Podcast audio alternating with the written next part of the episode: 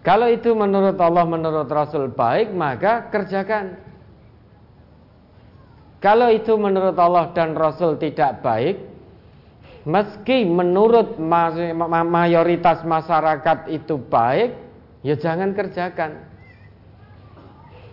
Karena baik buruk perbuatan itu menurut Allah. Bukan menurut manusianya. Kebaikan itu menurut Allah, menurut Rasulullah, bukan menurut manusia. Kalau menurut manusia, menurut A baik belum tentu menurut B.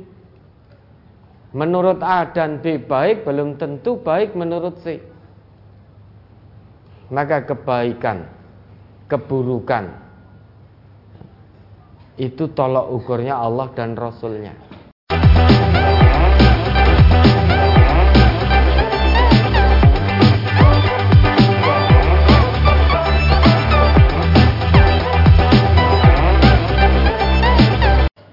Ada beberapa pertanyaan dari brosur Ustaz.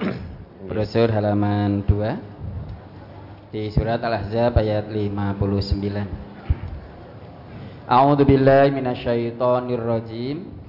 Ya ayuhan nabiyyu qul li azwajika wa banatika wa nisa'il mu'minina yudnina 'alaihinna min jalabibihin Dzalika adna ay yu'rafna fala yu'dzain wa kana Allahu aziz wa kana Allahu ghafurur rahim. Hai Nabi, katakanlah kepada istri-istrimu, anak-anak perempuanmu dan istri-istri orang mukmin. Hendaklah mereka mengulurkan jilbabnya ke seluruh tubuh mereka. Yang demikian itu supaya mereka lebih mudah untuk dikenal karena itu mereka tidak diganggu dan Allah adalah Maha Pengampun lagi Maha Penyayang. Al-Ahzab ayat 59. Pertanyaan berkenaan dengan ayat tersebut yang dimaksud mengulurkan jilbabnya ke seluruh tubuh mereka itu bagaimana Ustaz? Mohon penjelasannya. Jilbab itu apa dah? Jilbab itu pakaian panjang ya yang menutup seluruh tubuh dari atas sampai bawah itu namanya jilbab. Kalau kerudung kepala yang menutup sampai dada itu namanya khimar. Dengan di dalam Quran surat An-Nur ayat 31 kan Allah katakan demikian. Wal yadribna fi khumurihinna ala juyubihinna. Dan hendaklah wanita-wanita muslimah itu mengulurkan khimarnya, kerudungnya sampai menutupi dada. Itu namanya kalau kerudung itu khimar. Kalau jilbab itu pakaian panjang. Jadi pakaian panjang yang bisa menutupi dari kepala sampai bawah itu namanya jilbab. Ya mengulurkan bagaimana? Ya memakai. Nah, memakai jilbab itu sehingga semua auratnya tertutup. Kalau tidak memilih jilbab, pakainya khimar, kerudung, ya, itu juga boleh perintah Allah juga. Ya, ada lagi. Masih halaman 2 uh, hadis yang tengah atau di bawah surat Al-Ahzab 69. An Aisyah an Nabi sallallahu alaihi wasallam annahu qala La yaqbalullahu salata haidin illa bi khimarin. Rawahu Abu Dawud. Dari Aisyah dari Nabi sallallahu alaihi wasallam beliau bersabda, Allah tidak akan menerima salat wanita yang sudah haid melainkan dengan kudung kepala. Hadis riwayat Abu Dawud juz 1 halaman 173 nomor 641. Pertanyaan berkaitan dengan hadis tersebut, bagaimana hukum wanita yang pergi ke masjid untuk sholat tetapi dalam perjalanan ke masjid tidak menutup aurat seluruhnya, tidak menurut sebagian aurat pakaian untuk sholat di bawah dan hanya dipakai ketika sampai di masjid. Sholatnya diterima apa tidak Ustaz? Sholat diterima atau tidak itu urusan Allah. Yang jelas aurat wanita yang sudah haid ketika sholat Jika dia menutup kepala Dalam sholatnya Itu ada potensi untuk diterima sholatnya oleh Allah Tetapi ketika perjalanan ke masjid Kepalanya tidak tertutup atau sebagian auratnya terbuka lah berdosa di situ. Karena wanita itu kalau sudah haid maka punya kewajiban untuk menutup auratnya baik ketika di luar rumah maupun ketika dalam sholat. Kalau hadis ini menjelaskan ada seorang wanita sudah haid kalau sholat tanpa penutup kepala maka sholatnya tidak sah namun jika dia menggunakan penutup kepala ada kemungkinan sholatnya sah lah dosanya saat dia membuka aurat karena sudah punya kewajiban auratnya untuk ditutup tidak diumbar tidak dipamer-pamerkan Nah, aurat wanita itu ya dari ujung kepala sampai ujung kaki sampai kaki. Itu aurat wanita. Makanya kalau datang ke masjid kalau dia muslimah yang paham betul tentang tuntunan agama kalau di hadapan yang bukan mahramnya tentu akan menutup aurat. Nah perkara sholatnya diterima atau tidak itu urusan Allah Yang jelas hadis ini menjelaskan pada kita La yakbalullah sholata haidin illa bikhimarin Kalau ada perempuan yang sudah balik, sudah haid, sholat tanpa tudung kepala Maka dipastikan sholatnya tidak sah. Ya, ada lagi? Berikutnya halaman 3 Hadis yang di tengah. Ani bin Umar anna nisa'an nabiyyi sallallahu alaihi wasallam sa'alnahu 'anil zaili faqala ij'alnahu shibran faqulna inna shibran la yasturu min auratin faqala ij'alnahu dhira'an rawu Ahmad dari Ibnu Umar bahwasanya istri-istri Nabi sallallahu alaihi wasallam bertanya kepada beliau tentang pinggir kain. Maka Rasulullah SAW menjawab, panjangkanlah sejengkal. Mereka berkata, sejengkal tidak dapat menutup aurat. Maka sabda beliau, jadikanlah sehasta. Hadis riwayat Ahmad. Mohon penjelasan, ukuran sejengkal itu seberapa sentimeter? Ini loh sejengkal. Dari ujung sini sampai ujung sini ini sejengkal. Kalau sehasta itu dari ujung jari sampai sini siku. Ini sehasta. Kalau sedepa ini loh. Hmm, ini sedepa. Dari ujung sini sampai sini kita rentangkan gini ini sedepa. Kalau sejengkal ya segini. Dari sini sampai sini. Dalam bahasa kita apa? Sekilan. Hmm, kalau sehasta itu dari ujung jari sampai siku, ini sehasta. Dirok, nah, namanya dirok. Kalau sedepa segini, kita merentang begini, ini sedepa. Ya, ada lagi. Berikutnya brosur halaman 4 di surat An-Nur ayat 31 wa kullil mu'minati yaghdudna min absarihinna wa yafadna furujahunna wa la yubdina zinatahunna illa ma zuhara minha illa ma zahara minha wal yadribna bi khumurihinna ala juyubihin wala yubdina zinatahunna illa li bu'ulatihinna aw abaihinna aw abai bu'ulatihinna aw abnaihin aw abnaihinna aw abnai bu'ulatihinna aw ikhwanihinna aw bani ikhwanihinna aw bani akhwatihinna aw nisaihinna أو نسائهن أو ما ملكت أيمانهن أو التابعين غير أولي الإربة من الرجال أو الطفل الذين لم يظهروا على عورات النساء ولا يضربن بأرجلهن ليعلم ما يخفين من زينتهن وتوبوا إلى الله جميعا أيها المؤمنون لعلكم تفلحون. Katakanlah kepada wanita yang beriman Hendaklah mereka menahan pandangannya Dan memelihara kemaluannya.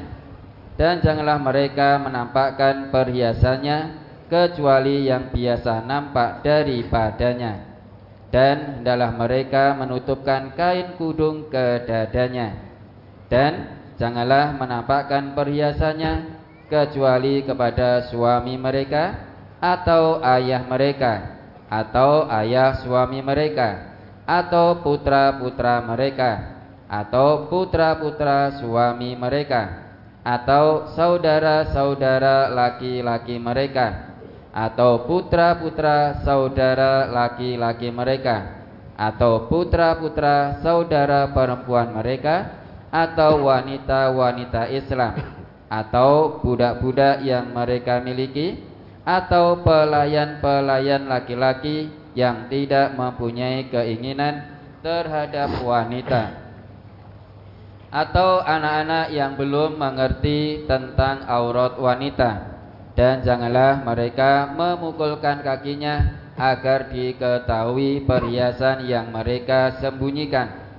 Dan bertaubatlah kamu sekalian kepada Allah hai orang-orang yang beriman supaya kamu beruntung An-Nur ayat 31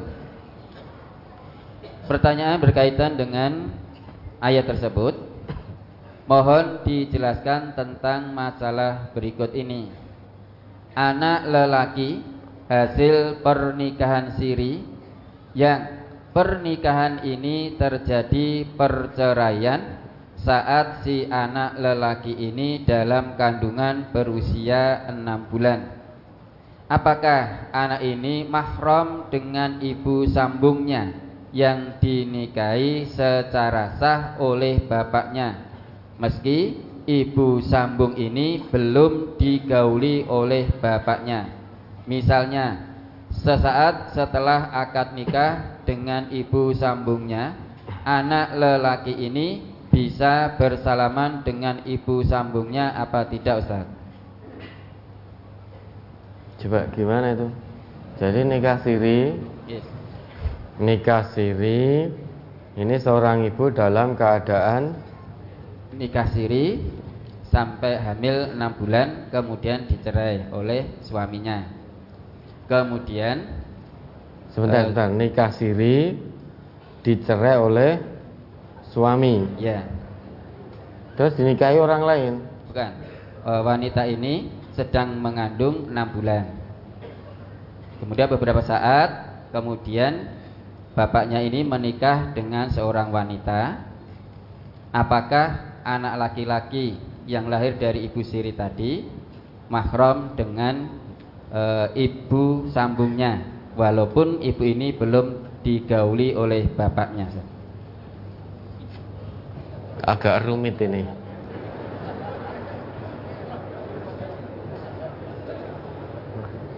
Agak rumit lah ya ini ada seorang laki-laki punya istri.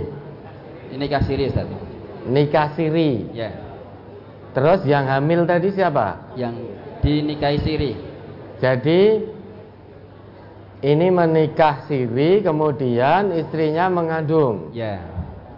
Iya no kan kalau hamil tidak boleh dinikahi meskipun siri kalau hamil itu kan idahnya sampai melahirkan. Makanya saya tanya ini wanita hamil perempuan yang mengandung enam bulan ini posisi nikahnya itu ketika belum hamil kemudian nikah dengan laki-laki terus mengandung enam bulan hasil dari pernikahan itu kemudian cerai kemudian laki-laki ini suami menikah lagi dengan perempuan lain terus anak yang lahir dari istri pertama tadi apakah mahram dengan istri kedua dari suami tadi? Ya.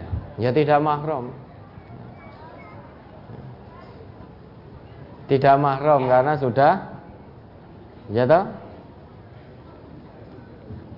Kalau yang lahir laki-laki gitu ini ya. anak yang lahir laki-laki ya. dengan oh dengan ini apa perempuan yang dinikahi istri kedua tadi ya, yaitu ya. mahram nah, mahram ya makanya kalau pertanyaan seperti ini agak rumit harus gatok-gatok kayak ini itu mahram karena ibu tadi anak tadi itu anak dari bapak tadi kemudian bapak tadi menikah lagi dengan perempuan lain ya maka anak tadi itu mahram dengan ibu sambungnya.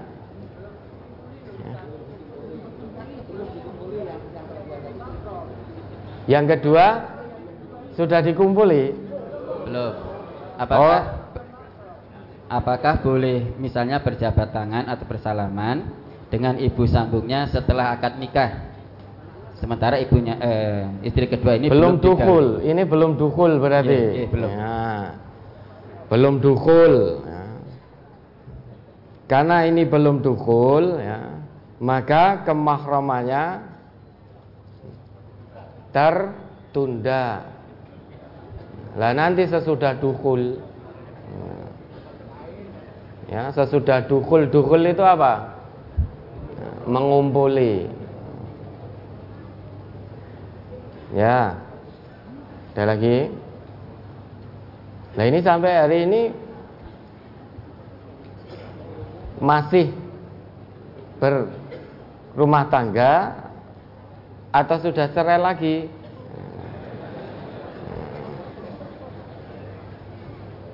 ya ada lagi eh, ke halaman pertama Ustaz di surat Al-A'raf ayat 26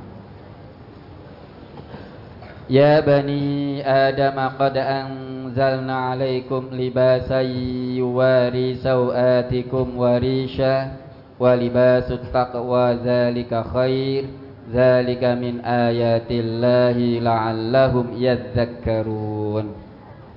Hai anak Adam Sesungguhnya kami telah menurunkan kepadamu pakaian untuk menutupi auratmu dan pakaian indah untuk perhiasan. Dan pakaian takwa itulah yang paling baik. Yang demikian itu adalah sebagian dari tanda-tanda kekuasaan Allah. Mudah-mudahan mereka selalu ingat. Al-A'raf ayat 26. Mohon dijelaskan batasan apa ada batasan-batasan pakaian penutup aurat pria, misalnya jubah, gamis dan lain sebagainya. Dan bagaimana kriteria pakaian takwa selain sebagai penutup aurat, Ustaz? Tidak ada pakaian takwa. Ya, semua pakaian yang menutup aurat itu pakaian takwa. Pakaian takwa terus baju koko gitu. Allah itu tidak melihat bentuk pakaian kita. Kalau pakaian itu apa pun bentuknya itu menutup aurat, nah, maka itu baik. Dalam ayat ini Allah jelaskan tentang dua hal. Yang pertama, pakaian secara lahiriah Qad anzalna 'alaikum libasan yuwari sawatikum. Telah kami turunkan untukmu pakaian yang untuk menutup aurat. Ini berarti pakaian dari sisi lahir. Jadi aurat kita harus tertutup. Kemudian ada pakaian dari sisi batin yaitu takwa. Sehingga ayat ini dua hal ruhan wajah sadan itu harus ditutup. Kalau yang dari tata lahir, aurat lahir itu sudah mafhum jelas. Kita menutup aurat. Aurat laki-laki dengan perempuan tentu berbeda. Paha termasuk aurat tidak? Tidak. Tapi dalam sholat paha termasuk aurat tidak? Ini kan brosurnya sudah dibaca tadi. Dalam sholat Nabi kita bersabda fa ingkana wasi'an faltahif bihi. Wa ingkana dayyiqan fattazir bihi. Jika pakaian itu luas maka berselimutlah dengannya. Artinya tutup semuanya. Tapi jika sempit fattazir bihi jadikan sebagai izar. Artinya mulai dari pusar sampai bawah lutut. Itu sebagai izar. Kalau pakaian secara batin Kenapa batin kita harus ditutup hawa nafsu kita? Karena kalau kita tidak tutup Maka kita akan mengikuti hawa nafsu Akan muncul kesombongan Akan muncul takabur Akan muncul suka mencaci Suka memaki Akan muncul perangai kasar. Tidak mudah memaafkan. Maka semua hawa nafsu ini harus ditutup dengan pakaian hati yang namanya takwa kalau yang ditanyakan kriteria pakaian takwa yaitu yang menutup aurat. Mau warnanya apa saja? Mau warnanya apa saja? Selama tidak ada larangan dari Rasulullah maka dipersilahkan yang penting menutup aurat mau batik, mau koko, mau jalabiyah. Ketakwaan seseorang itu tempatnya di mana? Kata Allah, "At-taqwa hahuna." Wa yushiru ila sadrihi salasa marrat sambil beliau mengisyaratkan menunjuk pada dadanya tiga kali. Sehingga ketakwaan seseorang tidak bisa dilihat dari pakaiannya. Tidak bisa dilihat dari pakaiannya. Oleh sebab itu Allah tidak melihat pakaian kita. Innallah la yang duru ila suwarikum wala ajsadikum walakin yang duru ila qulubikum ma'amalikum. Yang Allah lihat hati dan perbuatan. Maka kalau ada orang pakai koko, pakai songkok, peci, oh itu orang soleh, apa bisa dikatakan begitu? Itu tata lahirnya yang terlihat. Hatinya kita tidak tahu. Kita tidak bisa membaca hati seseorang sebagaimana orang lain tidak bisa membaca apa yang ada dalam hati kita. Makanya ketakwaan di sisi Allah ukurannya bukan pakaian.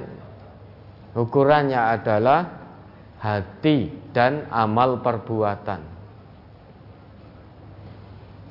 Kalau Bapak dan Ibu ya suatu saat sana ke timur tengah sana.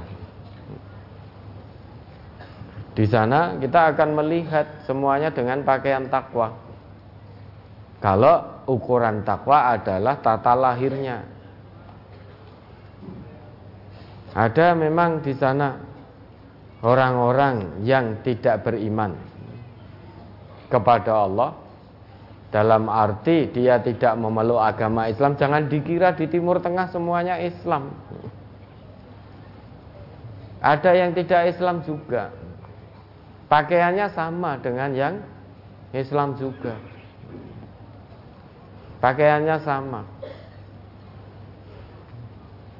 Dan Nabi kita juga ngendika la farqa baina a'jamiyyin wa arabiyyin wala ajamiyyin wa arabiyyin wala ahmara wala li ahmara wali aswada illa bit taqwa. Tidak ada beda. Orang ajami atau dengan orang Arab tidak ada beda. Orang ajami dengan orang Arab itu tidak ada perbedaan mau keturunan Arab mau bukan Arab itu tidak ada beda di sisi Allah. Karena agama kita ini bukan agama nasab. Islam ini rahmatan lil alamin, bukan agama nasab. Sehingga Nabi dengan tegas ngendika tidak beda antara orang yang bukan Arab ataupun orang yang keturunan Arab. Tidak ada perbedaan orang kulit putih atau orang kulit merah atau orang kulit hitam. Tidak ada perbedaannya kecuali bid takwa. Kecuali dengan takwa pada Allah. Sedangkan takwa tidak bisa dilihat dari tata lahir. Takwa itu adanya dalam hati yang bisa melihat itu Allah, orang lain tidak bisa melihat. Sehingga kita kalau hanya menilai dari tata lahir bisa tertipu. Sering tertipu. Tampaknya dengan baju takwa eh ternyata juga bermaksiat. Belum lama di negeri kita ini. Oknum. Oknum ustadz di pondok pesantren. Itu juga pakai baju takwa, pakai koko, pakai peci, tetapi apa? Ternyata mencabuli santriwatinya, menghamili santriwati, kayak sampai belasan. Ya? Kalau di ukuran takwa itu dari lahir, kita akan tertipu dari tata lahirnya. Maka ukuran takwa itu dalam hati at-taqwa hahuna. Kata Nabi begitu. Tiga kali beliau mengisyaratkan menunjuk ke dalam dadanya. Jadi takwa itu di sini, takwa di sini, takwa di sini. Karena takwa itu di hati, maka fala tuzakku anfusakum huwa a'lamu bimanit taqwa. Jangan kamu merasa paling suci dengan menyalah-nyalahkan orang lain, merasa paling benar sehingga yang lain salah, yang lain sesat hanya gara-gara tidak sama dengan dirinya. Kenapa demikian? Karena manusia itu tidak tahu ketakwaan seseorang dengan yang lain. Yang tahu hanya Allah. Huwa a'lamu bimanit taqo. Nah, kriteria pakaian takwa kalau menurut Allah yang menutup aurat. Mau batik, mau koko, mau jalabiah, mau gamis, Selama itu menutup aurat, maka itu pakaian takwa. Apa pun warnanya. Ya, ada lagi. Ke surat An-Nur ayat 31, Ustaz. Di halaman 4 saya baca artinya. Katakanlah kepada wanita yang beriman, hendaklah mereka menahan pandangannya dan memelihara kemaluannya dan janganlah mereka menampakkan perhiasannya kecuali yang biasa nampak daripadanya. Pada kata kecuali yang biasa nampak daripadanya, apakah rambut juga termasuk di dalamnya? Karena rambut kepala terkadang keluar sedikit dari kerudungnya. Kemudian dan punggung telapak tangan apakah termasuk aurat? Kalau rambut sudah jelas dalam ayatnya. Dalam hadis juga sudah jelas. Wal yadribna bi khumurihinna ala juyubihinna. Tudung kepala, maka rambut harus tertutup. Kalau biasanya keluar sedikit, maka lebih hati-hati lagi. Sehingga dalam memakai kerudung, memakai jilbab itu berhati-hati. Kalau sudah maksimal ya sudah biasanya kalau naik sepeda motor itu ya toh, terus keanginan itu kudungnya terbang-terbang ke atas rambutnya kelihatan semua. Maka lebih hati-hati lagi.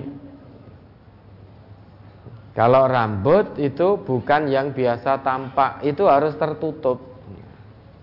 Menurut ayat Allah, hadis Nabi seperti itu. Lah, sekarang illa ma minha kecuali yang biasa tampak. Kecuali yang biasa tampak ini ada yang mengatakan adalah pakaian. Karena pakaian itu tidak mungkin disembunyikan, pakaian luar itu tidak bisa disembunyikan. Tapi ada pula yang mengatakan yang biasa tampak itu wajah dan telapak tangan, kedua telapak tangan beserta punggungnya. Imam Mat-Tobari meriwayatkan dengan sanad yang sahih dari Ali bin Abi Tolhah dari Ibnu Abbas bahwasanya dalam firman Allah ini illa ma minha yang dimaksud yang biasa tampak itu adalah wajah dan kedua telapak tangan termasuk hina. Hina itu apa tuh? Hina itu loh yang ini ibu-ibu yang perso ini. Apa namanya ini? Ya hina itu nah, yang biasa tampak yang di sini di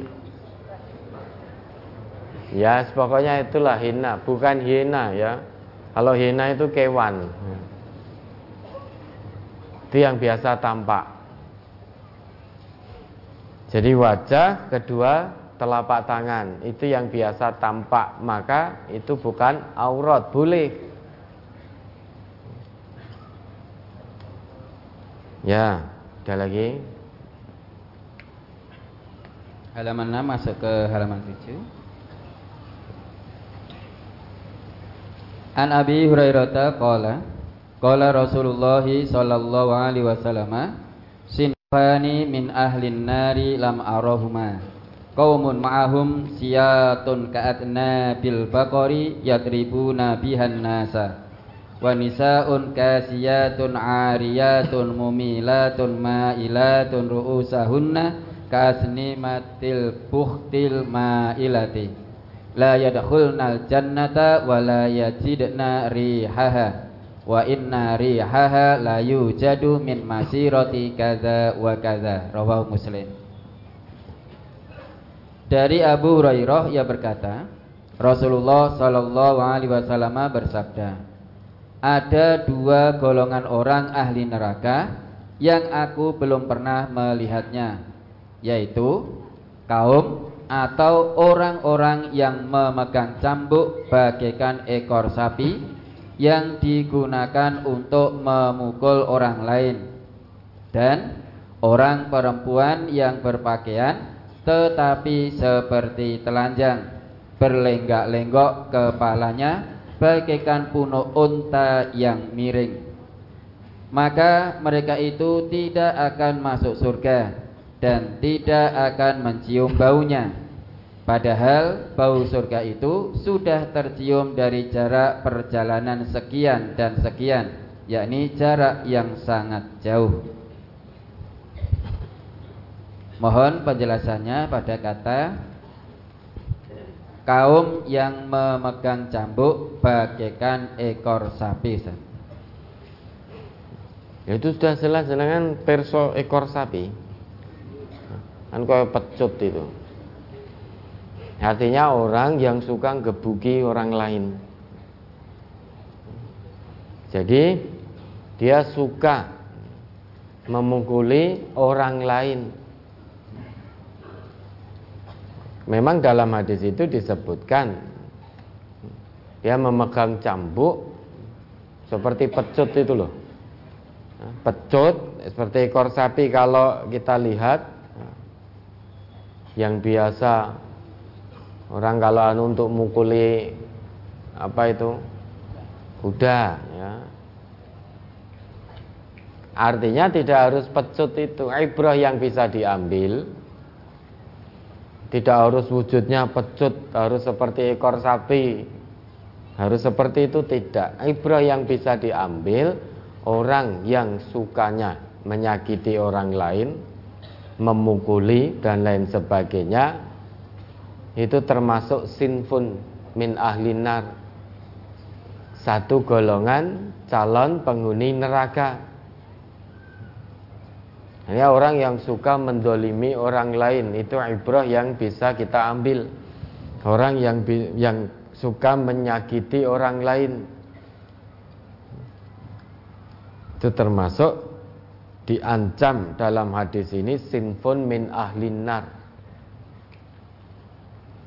Satu golongan calon penghuni neraka yang pernah yang belum pernah Rasul lihat sebelumnya. Kok ada orang menyakiti orang lain? Makanya apalagi menyakitinya dengan pukulan Suka memukul. Mukulnya dengan alat Dengan alat ya bisa pecut, ya bisa pentung, ya, ya bisa kayu Maka itu termasuk sinfun min ahlinar Satu golongan penghuni neraka. Maka Bapak Ibu jangan suka mendolimi orang lain. Jangan suka menyakiti orang lain. Karena berat resikonya di hadapan Allah. Dikatakan termasuk ahli neraka. Ya, ada lagi. Halaman 8.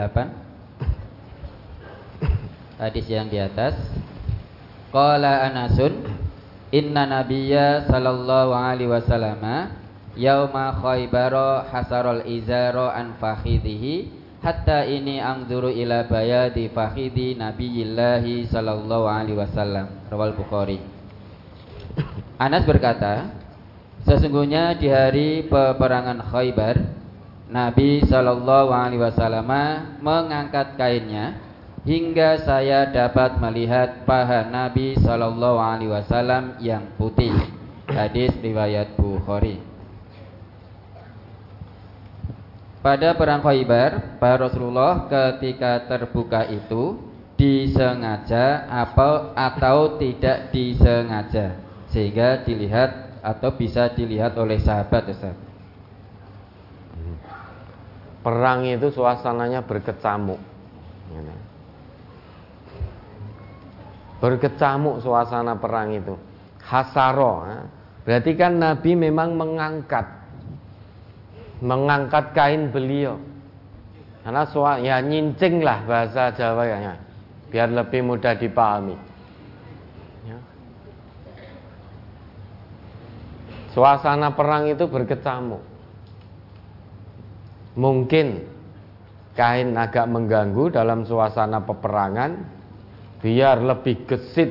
Nah, maka beliau mengangkat izar beliau sampai terlihat paha. Mengangkat itu berarti sengaja. Kalau tidak sengaja itu harusnya khusiro. Terangkat. Di sini hasaro berarti mengangkat. Doroba itu memukul. Memukul itu sengaja atau tidak sengaja? Ya. Kalau duriba terpukul, terpukul itu berarti tidak sengaja. Nah di sini nak dijelaskan hasaroh berarti mengangkat. Kalau husiro itu terangkat. Kalau husiro berarti tidak sengaja. Dan ini di luar sholat. Berarti paha laki-laki itu bukan termasuk aurat ketika di luar sholat. Tapi dalam sholat harus tertutup. Ya, ada lagi. Mohon dijelaskan hukum wanita yang berjilbab tetapi rambutnya masih kliwir-kliwir kelihatan karena jilbabnya kurang rapat. Sebab ada hadis yang menyatakan sehelai rambut yang dilihat bukan mahramnya, ia tidak akan mencium bau surga. Ustaz. Lah makanya keliwir-keliwir gimana maksudnya? Masih nyela, kelihatan gitu ya. Ya, kalau itu memang disengaja, memang disengaja, berarti berdosa. Wong disengaja.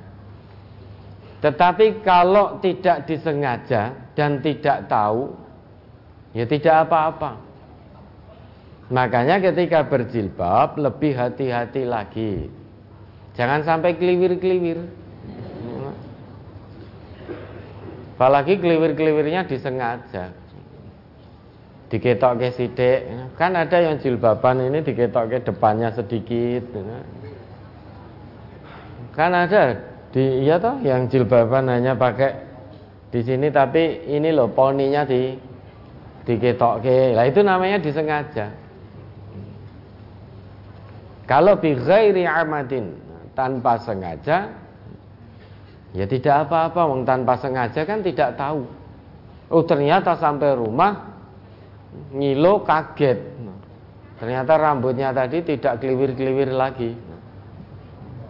Sudah banyak yang kelihatan. Ya makanya besok lagi hati-hati. Ya, ada lagi. Bagaimana dengan seorang ibu yang membuka kerudung atau melepas kerudungnya di dalam rumah? Tiba-tiba ada orang laki-laki lain saat antar-antar melihatnya dengan tiba-tiba dan dia bukan mahramnya. Apakah ibu tersebut berdosa, Ustaz? Nah, yang ngawur laki-lakinya itu. Ya rumahnya siapa kok asal masuk saja. Hmm? Maka ini pentingnya kita ngaji. Oh itu sudah biasa kok kalau di desa keluar masuk loh. Kebiasaan yang tidak sesuai dengan Quran Sunnah, jangan Quran Sunnahnya dipaksa untuk memaklumi kebiasaan itu. Namun kebiasaan itu yang harus dirubah untuk mengikuti Quran dan Sunnah. Pentingnya kita ngaji dulu sebelum kita ngaji, tetangga itu keluar masuk rumah tonggo ini biasa. Bahkan sampai jerun-jerun nih, sampai dapurnya, sampai ininya itu dan lain sebagainya. Setelah ngaji, ngerti akhlak seorang muslim bahkan ketika ada bertamu pun Dok dok dok Assalamualaikum Kok belum ada jawaban? Tidak boleh inguk-inguk di nako itu tidak boleh. Halo, Kalau sekarang ini kan yang terlihat Kok di belting tong belum nyaut Kijane enek wonge pora Diinguk-inguk gini. Itu tidak boleh dalam Islam.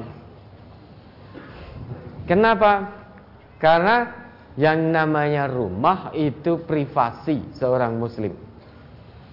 Sebelum diizinkan oleh yang punya rumah, maka tidak boleh masuk.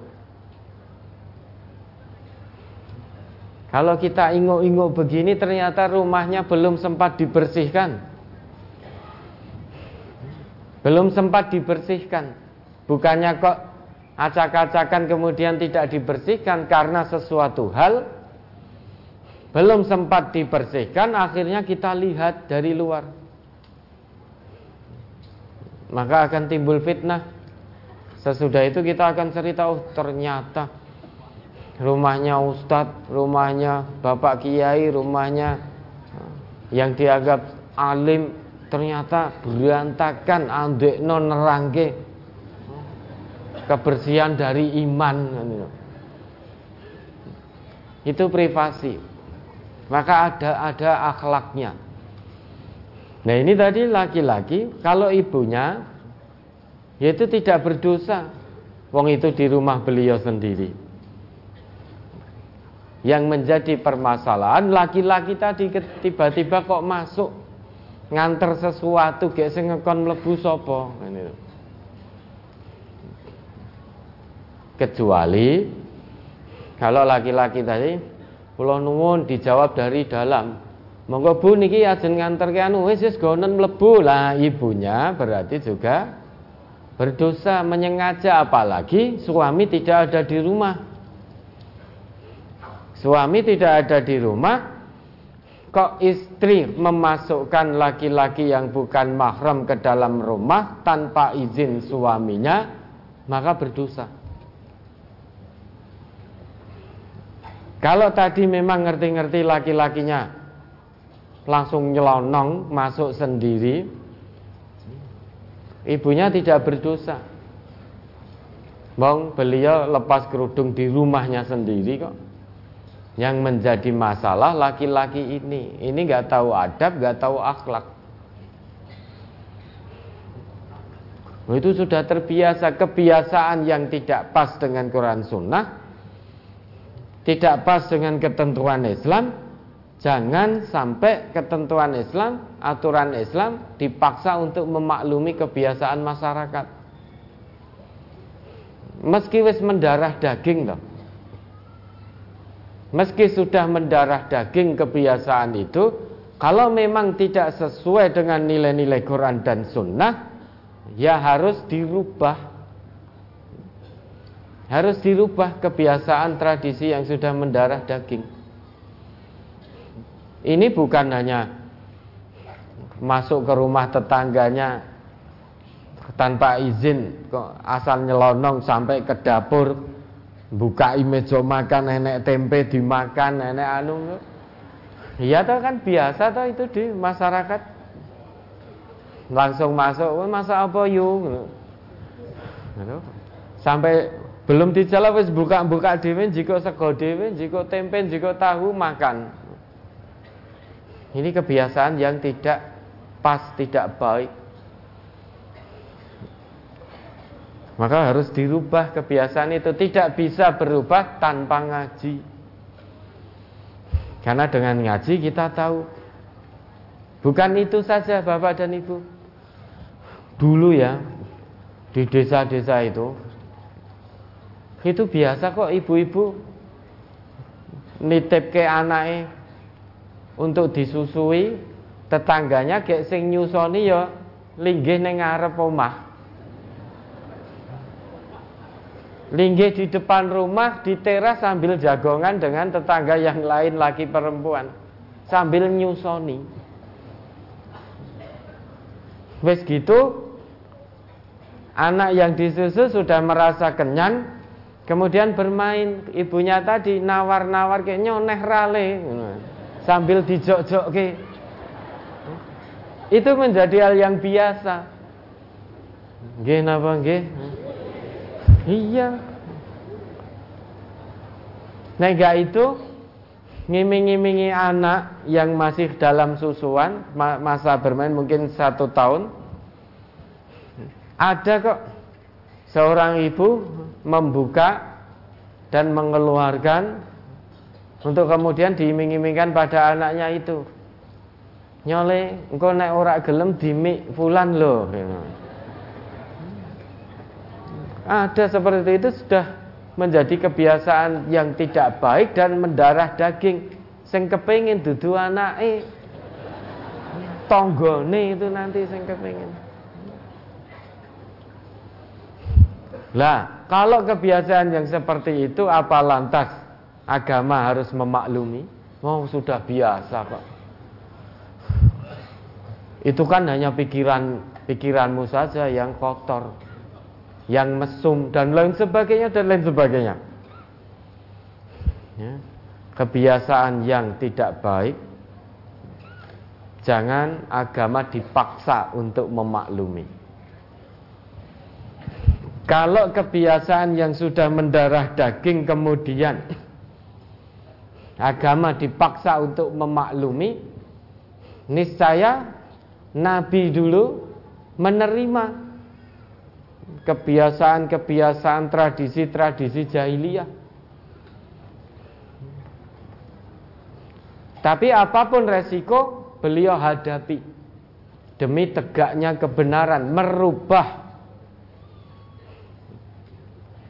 kebiasaan yang tidak baik yang sudah mendarah daging dalam masyarakat jahiliyah. Itu dirubah. Perbudakan itu kebiasaan yang sudah mendarah daging dulu sebelum Nabi diutus. Apakah Nabi lantas menerima perbudakan gara-gara itu sudah menjadi hal biasa dalam masyarakat jahiliyah? Oh tidak, perbudakan dihapuskan oleh Islam.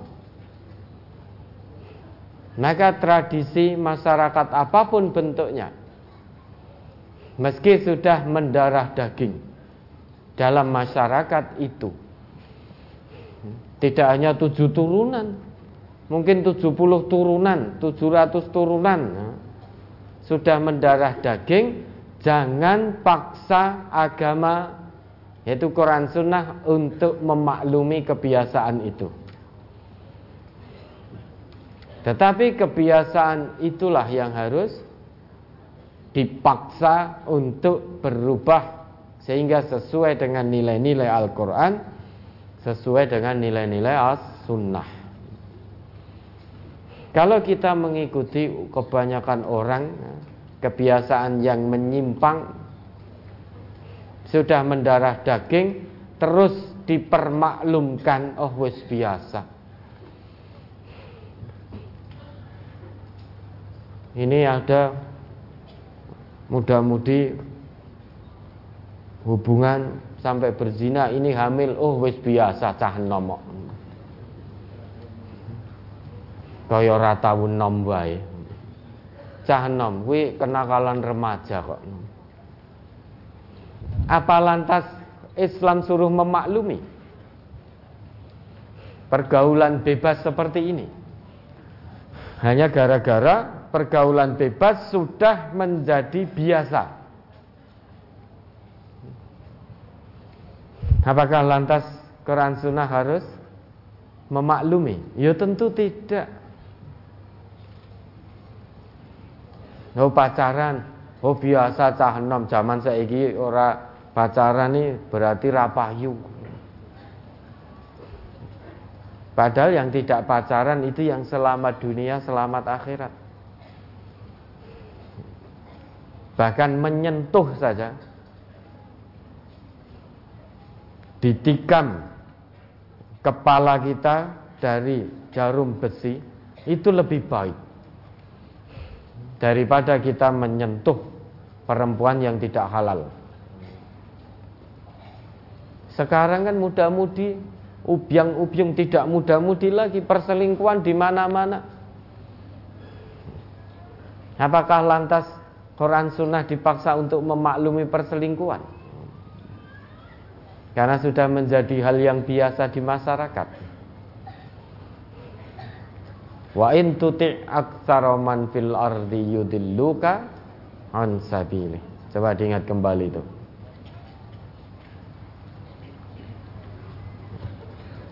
Surat Al-An'am surat ke-6 ayat 116. Wa in tuti aktsara man fil ardi yudilluka an sabilillah iyattabi'una illa dhanna wa inhum illa yakhrusun dan jika kamu menuruti kebanyakan orang-orang yang di muka bumi ini, niscaya mereka akan menyesatkanmu dari jalan Allah.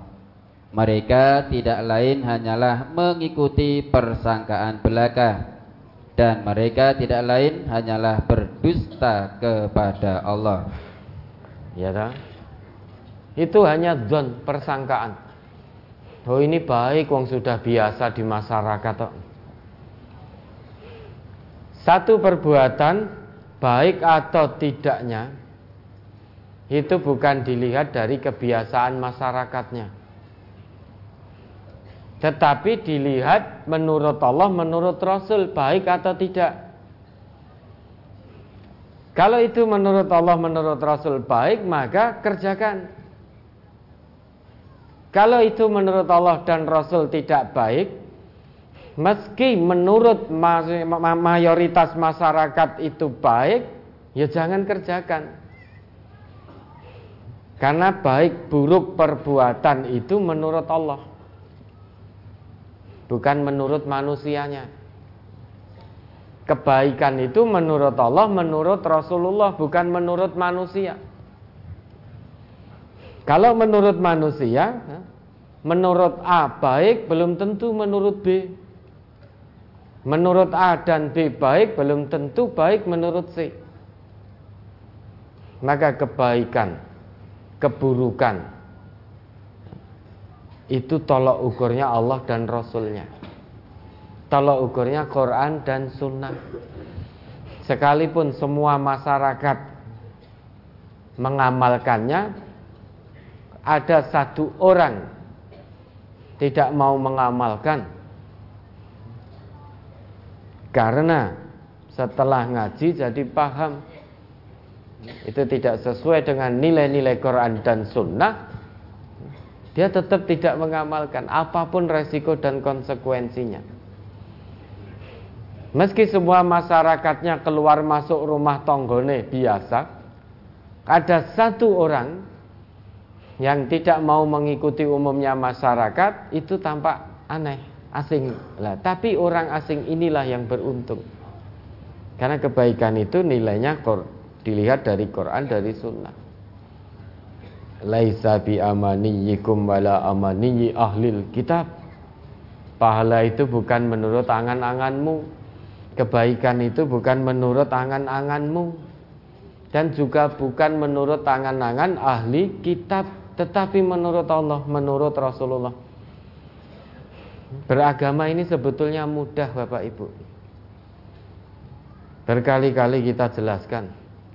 Dalam agama ini hanya ada dua, if'al atau la taf'al, kerjakan atau jangan kerjakan. Kalau sesuai Quran Sunnah, kerjakan. Kalau tidak sesuai dengan Quran dan Sunnah, jangan kerjakan. Sudah selesai. Agama ini mudah. Yang mempersulit itu manusianya sendiri. Oh ngene kita apik kok, ngene kita apik. Lah eleke ning ngendi? Eleke ora manut tuntunan. Contoh, sekarang hampir semua umat Islam melaksanakan karena sudah mendarah daging dalam masyarakat kita. Apa itu? Ulang tahun. Ulang tahun. ini rapopo. Padahal yang namanya ulang tahun ini tidak sesuai Quran, tidak sesuai sunnah. Tetapi banyak orang yang ngaku Islam ikut-ikutan ikut-ikutan merayakan ulang tahun kelahirannya ikut tiup lilin ikut nyanyi-nyanyi dan lain sebagainya dan lain sebagainya. Bahkan kita pun tidak jarang kok kirim pesan oh saya tidak kirim pesan selamat ulang tahun. Iya milad Said di bahasa Arab kan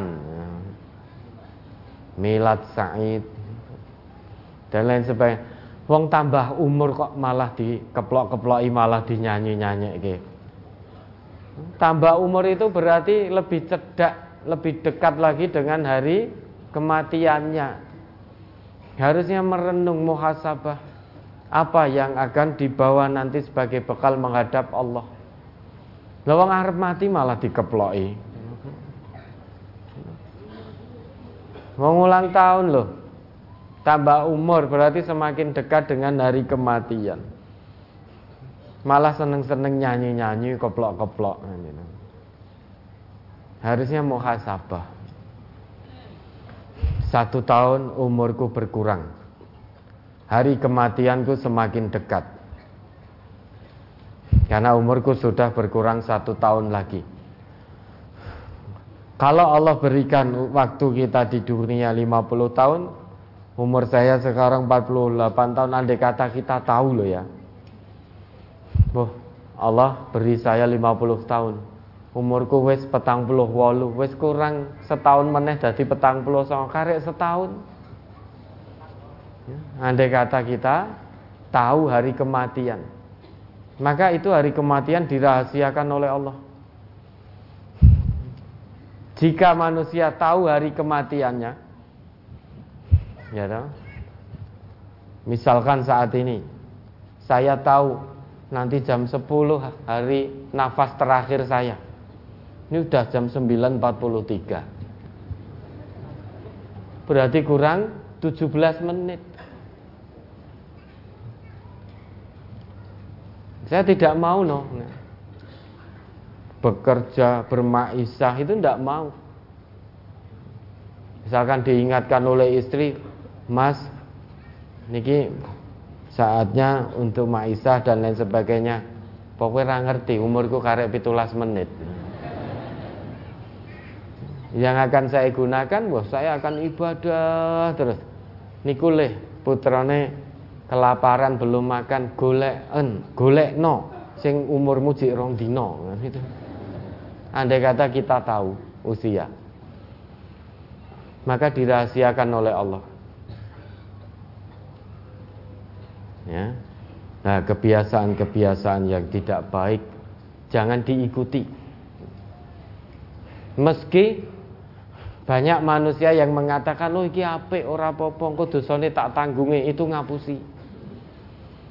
Kalau ada manusia yang mengatakan wis lakonono ini laksanakan ini kalau toh dosa dosanya jadi tanggungan saya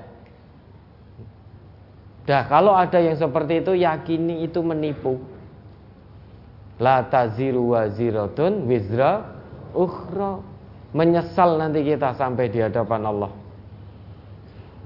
Ternyata dulu yang dijanjikan engko dosane tak tanggunge ternyata ya ngapusi wong dheweke dhewe nanggung dosane ora kuat.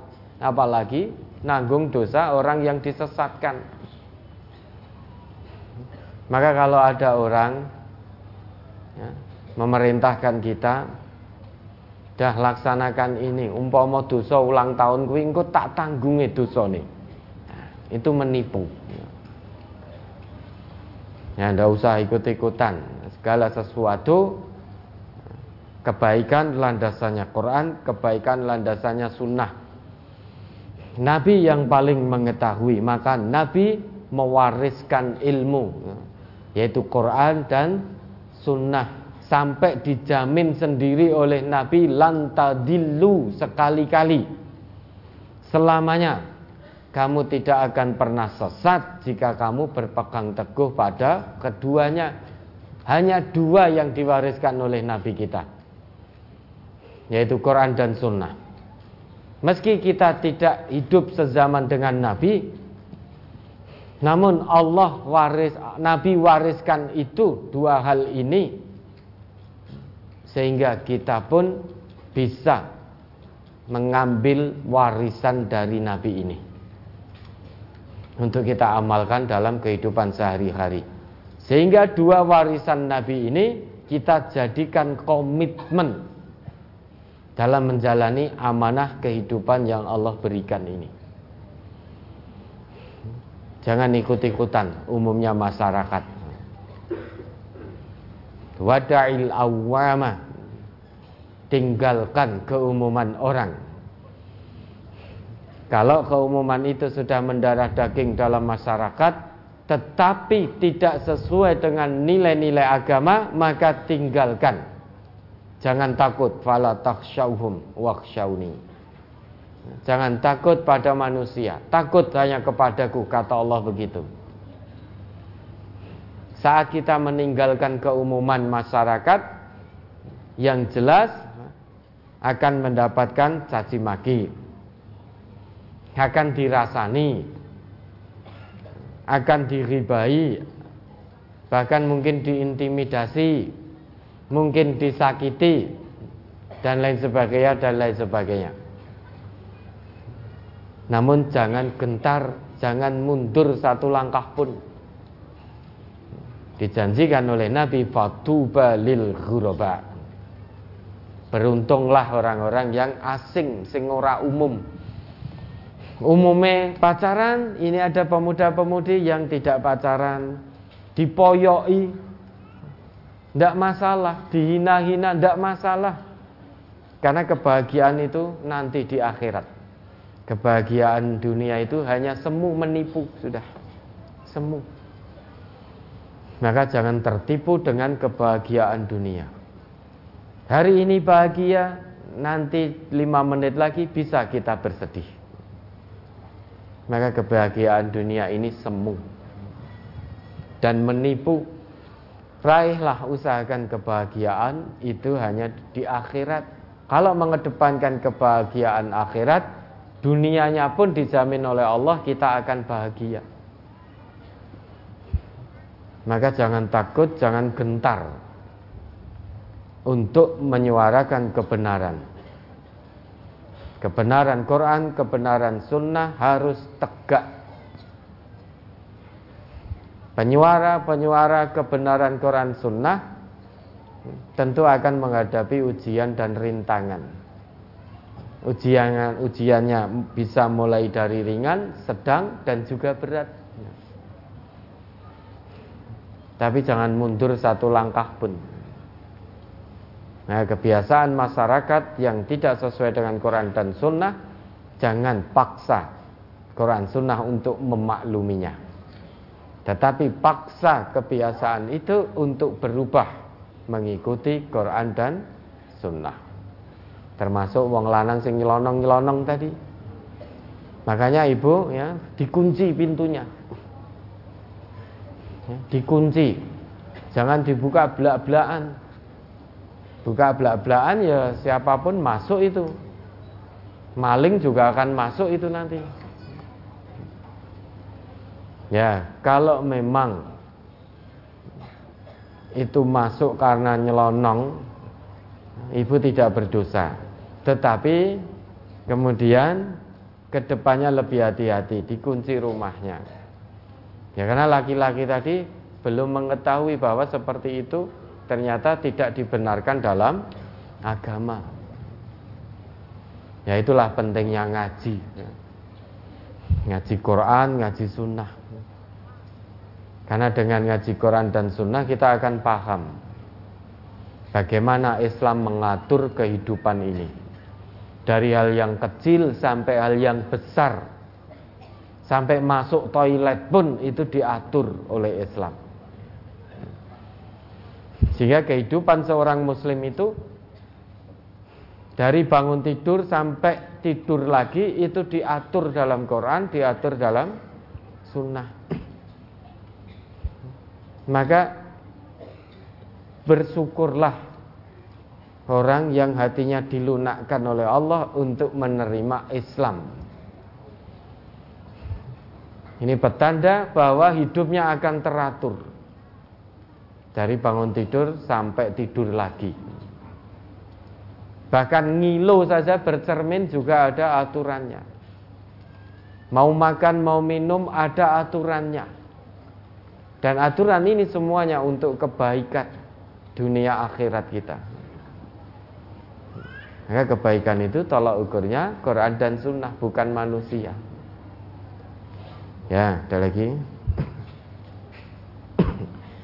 Bagaimana hukumnya wanita tidak menutup kaki dengan kaos kaki ketika di luar rumah? Apakah berdosa, Ustaz? Nah, kakinya sampai mana dulu? Kalau telapak kaki ya tidak apa-apa. Kalau telapak kaki yang terbuka seorang wanita itu bepergian tidak harus pakai sepatu, tidak harus pakai kaos kaki. Kalau yang terlihat telapak kakinya itu tidak apa-apa. Ya, ada lagi. Bagaimana hukumnya ibu-ibu yang mengaji di cabang masih ada yang di dalam berpakaian meskipun jilbabnya besar tetapi celananya agak ketat Ustaz. Tenan apa ndak itu? Kalau memang betul apa yang disampaikan, maka dinasehati dengan baik. Nasihat baik itu ya sesuai Quran dan Sunnah. Empat mata, jangan di depan umum. Jangan memberi nasihat, kita memberi nasihat. Jangan berpakaian seperti telanjang. Ini kelihatannya ini ada ini seorang ibu jilbabnya besar tapi celananya ketat itu loh seperti ibu itu. Nah, itu bukan nasihat. Yang namanya nasihat bil hikmah wal mau'idatil hasanah wa jadilhum billati ahsan itu nasihati empat mata. Jangan sampai yang lain tahu. Jadi empat mata. Kewajiban sesama muslim itu memang bertawasau. Tawasau dengan apa? Tawasau bil haq, tawasau bis sober. Tawasau itu saling menasehati satu arah atau dua arah. Dua arah. Hari ini kita menasehati, mungkin esok kita ganti di nasehati. Jangan hanya pengen menasehati tok. Nah ini biasanya orang itu kalau sudah merasa paling itu sulit untuk menerima nasihat dari orang yang kebetulan berada di bawahnya. Baik dari pangkatnya di bawahnya, kekayaan di bawahnya, status sosial pekerjaan mungkin di bawahnya, pendidikan di bawahnya. Ini sulit kalau hatinya tidak bening. Diberi nasihat oleh orang yang kebetulan berada di bawahnya secara tata lahir, sulit menerima. Nah, masuk aku dokter salah. Nah, masa sing nasihati aku mau lulusan SD? Yang namanya tawassul itu dua arah. Karena kita bukan nabi, bukan rasul, tidak maksum. Siapa yang berani menjamin yang hadir di sini ini tidak punya salah, tidak punya dosa? Kita tidak maksum. Maka seorang muslim yang baik dia siap ikhlas memberi nasihat, ikhlas dinasehati. Itu muslim yang baik apa pun status sosialnya, kalau nasihat yang datang pada dirinya itu sesuai dengan kebenaran agama ini, maka dia sami'na wa ata'na. Coba diingat kembali Quran surat An-Nur ayat 51.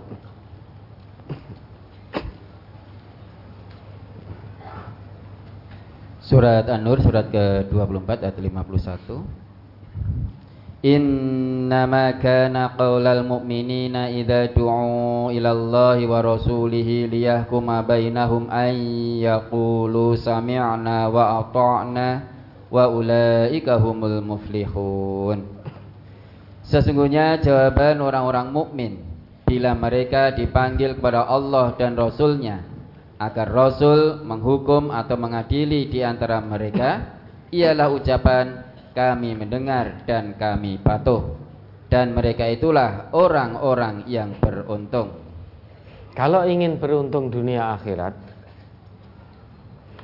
jika datang nasihat pada kita dan nasihatnya itu yang dinasihatkan pada kita adalah ayat Quran, hadis Nabi yang sahih, maka terima. Terima dulu siapa pun kita, apa pun status sosial kita. Maka kalau nasihat yang datang itu adalah Quran dan Sunnah, terima. Jangan maidu dulu. Ada bahkan Nabi ngendika, kalau nasihat itu penyampainya budak yang hidungnya rumpung kalau yang disampaikan agama Allah Quran tuntunan Rasulullah maka siapa pun tidak boleh menolak apa pun pangkatnya, berapapun kekayaannya, semua tidak boleh menolak. Semuanya harus satu, taslim. Karena innama kana qaulal mu'minina idza du'u ila Allahi wa rasulihi liyahkuma bainahum ayyaqulu sami'na wa ata'na wa ulaika humul muflihun. Kalau didatangkan pada kita, dihadapkan di hadapan kita Quran dan sunnah-sunnah Rasulullah, hadis-hadis beliau yang sahih, maka tidak ada peluang lagi bagi kita untuk berhujjah. Kewajiban kita hanya satu dan sama setiap muslim di mana pun berada. Sam'an wa ta'atan, taslim pada Quran, taslim pada sunnah. Maka memberi nasihat dengan yang baik dengan hikmah mau'idatul hasanah. Salah satu cara untuk hikmah itu adalah empat mata. Empat mata dan jangan diumum-umumkan. Nah kalau betul yang tadi tersampaikan dinasehati bagi bapak atau ibu ya, mungkin pengurus di cabang itu yang perso maka dinasehati ya, secara empat mata kemudian setelah itu sudah dijaga kerahasiaannya jangan lantas diumum-umumkan kemarin ibu itu sudah saya nasihati celananya ketat. Alhamdulillah sekarang sudah tidak. Itu namanya memberi nasihat tidak dengan cara terbaik. Sudah empat mata tetapi sesudah itu diumum-umumkan. Berarti tidak dengan cara yang terbaik. Yang diberi nasihat juga ikhlas diberi nasihat, bersyukur pada Allah. Punya saudara sesama muslim yang betul-betul perhatian saat dirinya menyalahi aturan Quran dan Sunnah ternyata saudari di tempat ngajinya mengingatkan ini berarti dia dianugerahi oleh Allah saudara yang memperhatikan akhiratnya pula tidak mudah untuk mendapatkan saudara seperti ini. Saudara persaudaraan yang diiman, yang diikat karena iman dan takwa. Yang memberi nasihat jangan merasa jumawa. Jangan merasa sombong, jangan merasa yang paling tahu, jangan merasa yang paling benar. Karena suatu saat nanti akan datang pada dirinya nasihat kebenaran pula. Kalau dia merasa paling benar, dia hanya mau memberi nasihat, tidak mau dinasehati. Kalau itu yang terjadi, itu bukan muslim yang baik. Muslim yang baik itu ikhlas menasehati, ikhlas di menerima nasihat. Karena kewajiban sesama muslim tawasau kalau tidak mau tawasul, kita berada dalam kerugian yang nyata. Yang mengatakan Allah bukan saya. Wal asri innal insana lafi khusr. Hilal ladina amanu wa amilus solihat wa tawasaw bil haq wa tawasaw bis sabr. Demi masa. Sesungguhnya setiap manusia benar-benar dalam keadaan sangat merugi kecuali ada istisnanya, ada pengecualian. Semua manusia benar-benar dalam keadaan sangat merugi kecuali illalladzina amanu wa amilus solihat. Orang-orang yang beriman kepada Allah dan membuktikan keimanannya itu dengan amal soleh. Dalam ayat itu amal soleh yang Allah contohkan adalah tawasau. Saling menasehati dalam kebenaran dalam kesabaran.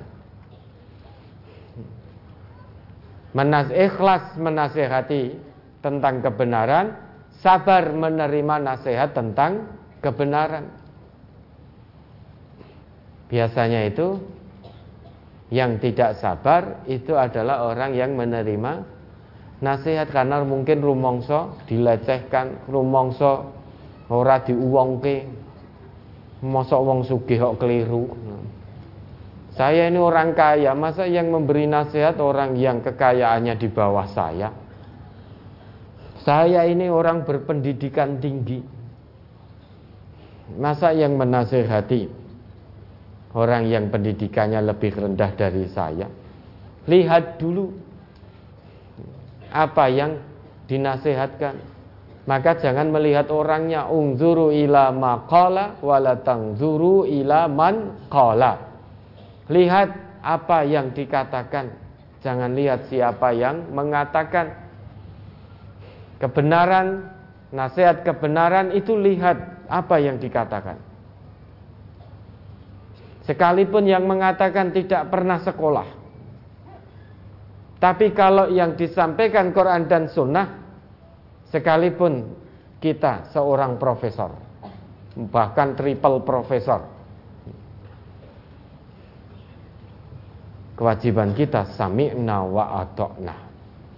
Jangan sampai titel-titel dunia kita, status-status dunia kita sampai membuat hati kita tertutup sehingga kita sombong. Nauzubillah.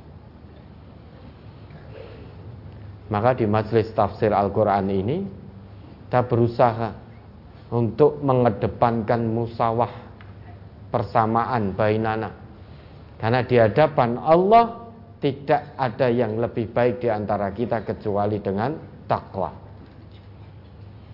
Maka titel-titel dunia harus dihilangkan ketika dalam internal majelis kita.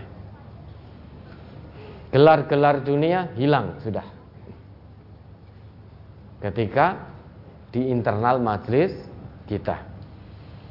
Sehingga akan tercipta musawah persamaan di antara kita mau lulus SD, lulus SMP, lulus SMA, lulus kuliah, S1, S2, S3, profesor sama. Yang membedakan adalah ketakwaan kita pada Allah. Terkadang yang punya titel tinggi itu memberi nasihat, terkadang yang titelnya di bawahnya itu yang kadang memberi nasihat. Itu kewajiban sesama muslim sesama mukmin kalau tidak ingin rugi. Karena salah satu pembuktian iman adalah amal soleh. Amal soleh yang Allah sebutkan adalah tawasul dalam ayat itu. Ya maka dinasehati dengan baik. Masa jilbabnya besar, celananya ketat sehingga lekuk tubuhnya menjadi kelihatan kalau dinasehati tidak mau menerima dengan ikhlas, hati-hati, jangan-jangan masuk ke dalam golongan yang kedua penghuni neraka tadi. Ya. Nisaun kasiyatun airiyatun. Perempuan yang berpakaian tapi seperti telanjang Memang tertutup pakaian tapi ketat lekuk tubuhnya sampai kelihatan semua. Itu berpakaian tapi seperti telanjang mempertontonkan lekuk tubuhnya. Apalagi zaman sekarang ini. Yang namanya tudung kepala ini, jilbab ini banyak yang hanya menjadi aksesoris saat ini. Ya, ketoknya menutup kepala, neng di selempang selempangke sehingga dadanya terlihat. Ya, dadanya tidak tertutup, tidak dijulurkan kerudungnya sampai menutup dada. Jadi kudungnya ya panjang tetapi diikat-ikatkan supaya dadanya terlihat. Nah, ini wanita berpakaian seperti telanjang. Kata Nabi, la yadkhulnal jannah wala yajidna rihaha Wanita yang berpakaian seperti telanjang mempertontonkan lekuk-lekuk tubuhnya ini tidak akan masuk surga dan tidak akan bisa mencium baunya surga. Padahal kata Nabi wa inna rihaha la yujadu min masirati kada wa kada. Padahal baunya surga itu sudah tercium dari jarak sekian dan sekian artinya dari jarak perjalanan yang sangat panjang itu bau surga itu sudah tercium namun wanita yang berpakaian seperti terlanjang itu tidak akan mencium baunya surga padahal sudah jarak yang sangat jauh sudah tercium baunya surga itu Kok sampai dia tidak bisa mencium baunya surga? Mencium baunya surga saja tidak bisa, tidak diizinkan oleh Allah. Apalagi memasukinya. Ini wanita yang berpakaian seperti telanjang, apalagi wanita yang telanjang berpakaian seperti telanjang saja tidak mencium baunya surga. Apalagi yang mengumbar, membuka aurat di mana-mana, dipertontonkan. maka jelas menjadi golongan kedua setelah golongan pertama tadi yang suka memukuli, suka menyakiti orang lain tadi. Ya, ya maka bersyukur ya. kaum Hawa ini dijaga oleh Allah. Dijaga oleh Allah, ditutup auratnya oleh Allah. Ini perhiasan yang paling berharga. Tidak sembarangan bisa dibuka. Tidak sembarangan bisa dilihat. Ibarat perhiasan ini ini permata yang sangat mahal. Lu'lu'um maknun, perhiasan yang sangat mahal yang tertutup. Tersembunyi, tertutup. Bahkan ada syarat ketat dari Allah bagi yang ingin melihat aurat wanita. Syaratnya ketat. Tidak sembarangan. Ini kan berarti wanita ini dijaga oleh Allah sedemikian rupa. Dijaga kesuciannya. Biar tidak asal-asalan orang melihat, orang memandang, orang menyentuh. Syaratnya sangat ketat sekali dari Allah. Harus menjadi suami sahnya. Atau bapak dari suaminya. Atau harus jadi anaknya. Atau anak dari anaknya. Syaratnya ketat sekali panjang itu syaratnya atau saudara-saudaranya atau saudara anak-anak saudara laki-lakinya atau anak-anak saudara-saudara perempuannya atau perempuan-perempuan muslimah yang hanya boleh melihat aurat muslimah yang lain. Dalam hal ini aurat yang wajar. Ya.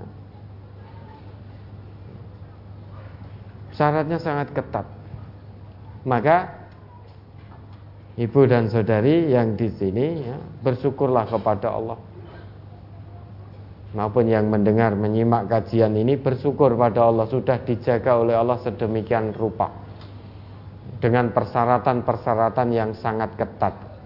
Maka jaga kesucian dari Allah ini, jaga amanah dari Allah ini. Jangan dikotori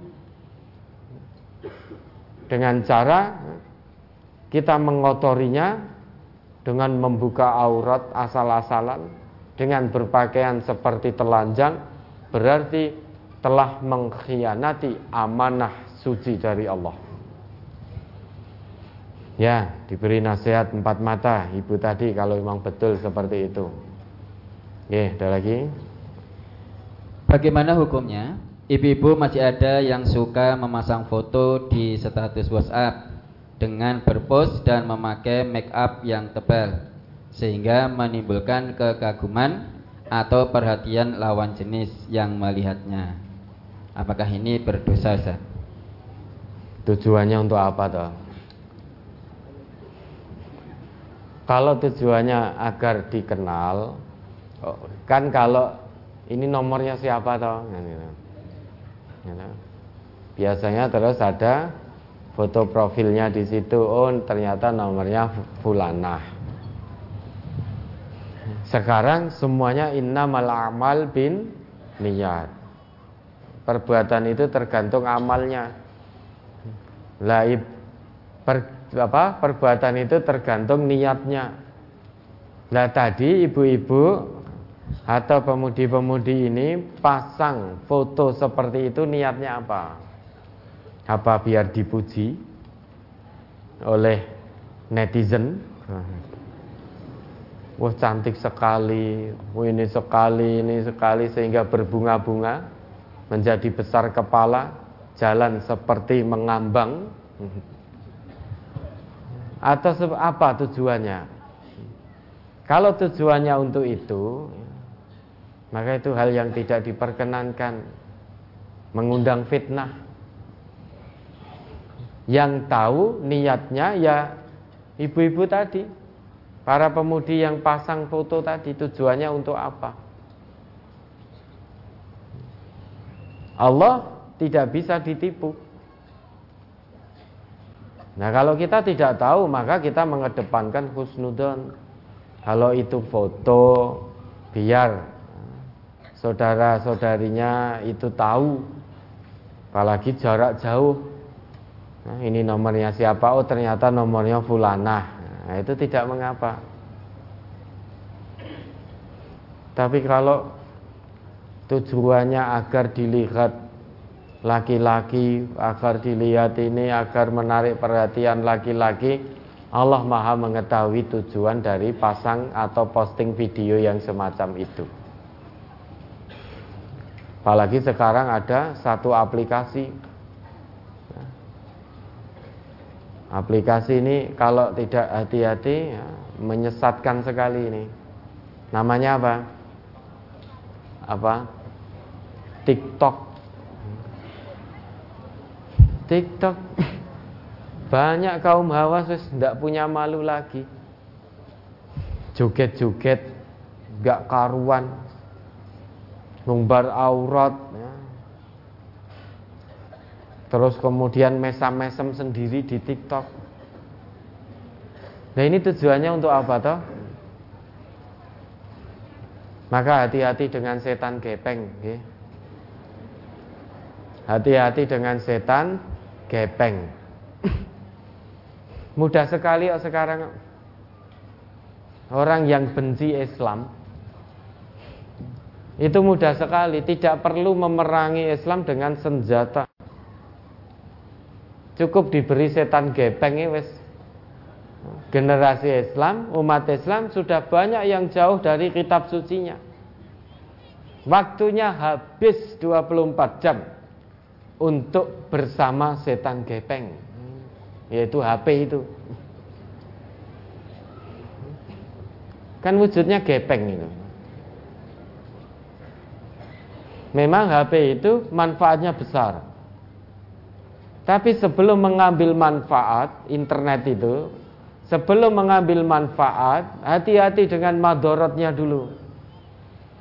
Darul mafasid muqaddamun ala jalbil masoleh mencegah kerusakan itu lebih didahulukan daripada mengambil maslahat. Memang tidak dipungkiri kemajuan teknologi internet ini banyak manfaatnya. Namun hati-hati banyak madorotnya pula. Bahkan setan internet ini sudah membersamai anak-anak kita sejak dini. Sehingga mudah sekali zaman sekarang kemajuan teknologi orang yang benci Islam melemahkan generasi Islam generasi Islam. Tidak perlu diperangi lagi, wes cukup ciptakan teknologi, berikan alatnya, sebar luaskan. Itu nanti akan banyak generasi muslim yang mengikuti itu tanpa sadar. Sehingga jauh dari Al-Quran, jauh dari masjid. Mudah sekarang menjauhkan generasi Islam dari Quran, dari masjid itu sangat mudah. Bahkan ada masjid itu demi untuk menarik minat para pemuda biar soboning masjid itu pasang wifi ben anak-anak muda itu sobone ning masjid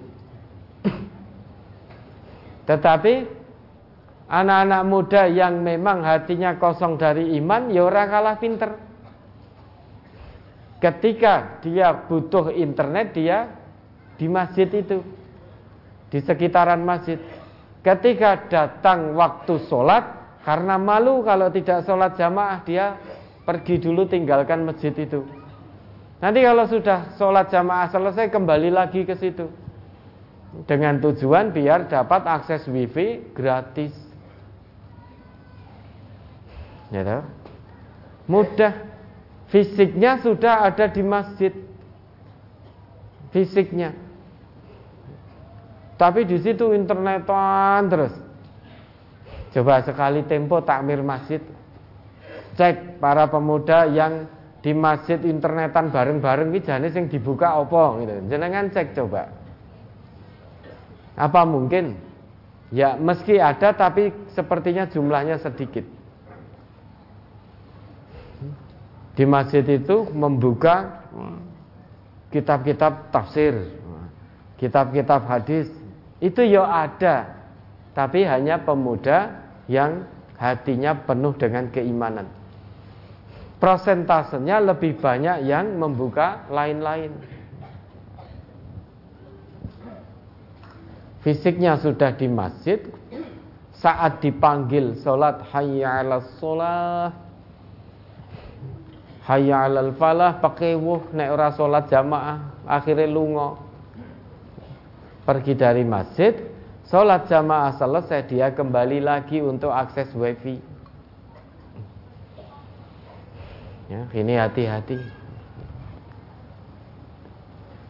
Internet memang banyak manfaatnya untuk kebaikan banyak. Tetapi maldorotnya juga sangat banyak. Aplikasi memang ada manfaatnya.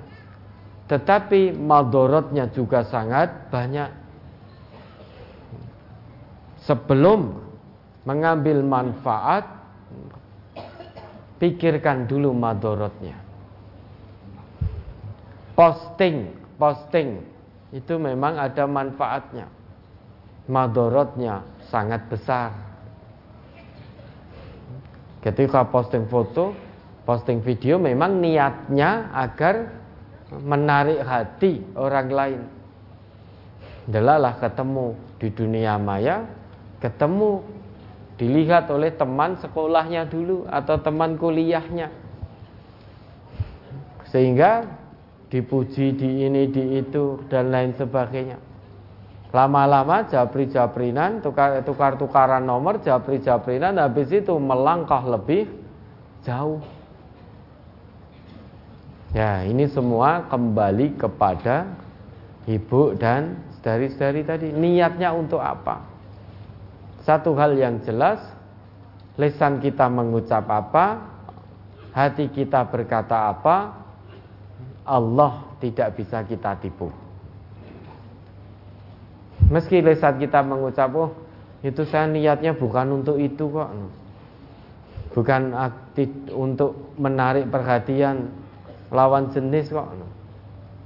Kalau hatinya sebetulnya untuk itu, maka Allah mengetahui. Ya, ini semuanya tergantung niatnya. Ya, ada lagi. Bagaimana kalau bapak-bapak itu cuma memakai celana pendek dan tidak pakai baju?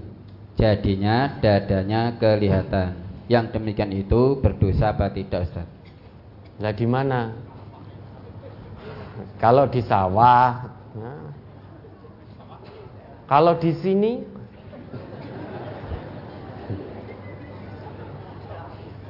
secara akhlak tidak baik. Ini kalau pas di sawah macul anu itu ya memang itu tempatnya. Likulli maqamin maqalun wa likulli maqalin maqamun. Setiap tempat ada perkataan, setiap perkataan ada tempatnya. Setiap tempat artinya kita melihat orang muslim itu orang yang cerdas itu bisa menyesuaikan. Kalau kita datang ke sini ngaji, kan ya tidak mungkin hanya dengan celana pendek, nggak pakai baju, hanya celana pendek dengan dalih aurat laki-laki. Aurat laki-laki kan hanya ini berdasar hadis Nabi. Iya betul, tetapi ya, secara adab, secara akhlak tidak ada. Jangan berani di hadapan Pak Presiden. Hanya celana pendek dan ucul baju.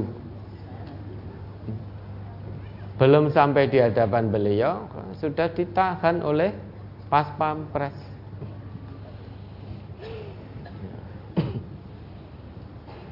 ya semuanya ada pada tempatnya. Kalau pas di sawah pas macul pakai kaos sudah sumuk kemeringat kotos-kotos ngisis kemudian kaosnya dilepas. Yang penting pusar ke bawah itu masih tertutup ya memang itu sah-sah saja boleh-boleh saja kecuali yang tidak boleh celana pendek copot sisan. Nah itu ya. Yang tidak boleh. Ya ada lagi? Saat ini lagi musim vaksin. Saya seorang wanita, waktu divaksin disuntik lengan bagian atas. Dan itu termasuk aurat. Apakah ini diperbolehkan menampakkan aurat kepada wanita bukan muslim? Itu kan kondisi darurat ad-darurat tutupihul mahdurat. Keadaan darurat itu menjadikan boleh hal-hal yang dalam keadaan normal itu dilarang. Lawang ibu-ibu ini berobat loh. Untuk kesehatan berobat misalkan. Tidak hanya membuka lengannya kebetulan yang ada dokter ahlinya adalah laki-laki. Seperti dokter kandungan. Kok kebetulan yang ahli yang menangani laki-laki. Itu kan ada USG, itu kan buka perut, buka ini, itu kondisi darurat. Yang tidak boleh itu kalau kondisi normal. Nah kalau vaksin harus disuntik lengan, kebetulan vaksinnya dapat gilirannya di tempat itu yang nyuntik. Kebetulan non muslim ya tidak apa-apa dibuka kondisi darurat. Ya ada lagi berdansa termasuk salah satu yang dilarang bagaimana dengan kegiatan ibu-ibu yang lagi ngetren saat ini yaitu senam dengan pakaian yang begitu kurang terjaga juga tempatnya terbuka Ustaz apa tadi? Berkaca? Berdansa. Berdansa. Oh, berdansa. Iya, yes. berdansa lah saat ini ibu-ibu ya dia sehat sen, kemudian senam senam lah itu isinya ibu-ibu itu muslimah semua tidak kan pertanyaannya itu muslimah semua apa tidak? Kalau ada satu saja yang non muslim, ya tidak diperkenankan. Untuk membuka jilbabnya dilihat yang non muslim itu tidak boleh. Tapi kalau yang senam itu semua muslimah sehingga terjaga betul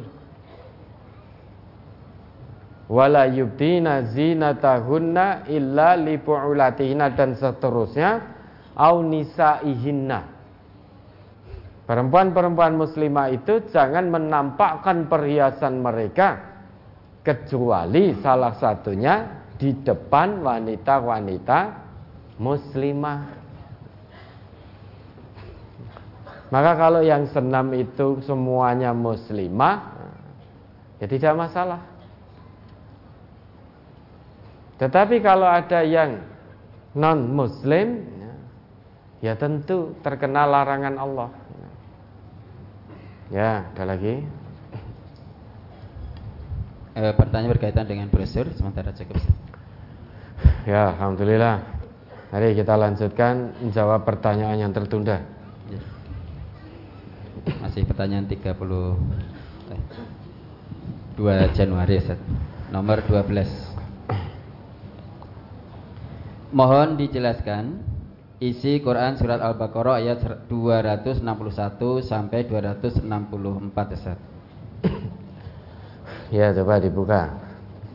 Itu ayat-ayat tentang infak itu, tentang sedekah. Al-Baqarah 261 200, sampai 264. Surat Al-Baqarah surat kedua ya 261 sampai 264. Masalul ladzina yung ينفقون أموالهم في سبيل الله كمثل حبة أنبتت سبع سنابل في كل سنبلة مئة حبة. والله يضاعف لمن يشاء والله واسع عليم. الذين ينفقون أموالهم في سبيل الله ثم لا يتبعون ما أنفقوا منا ولا أذى لهم أجرهم عند ربهم.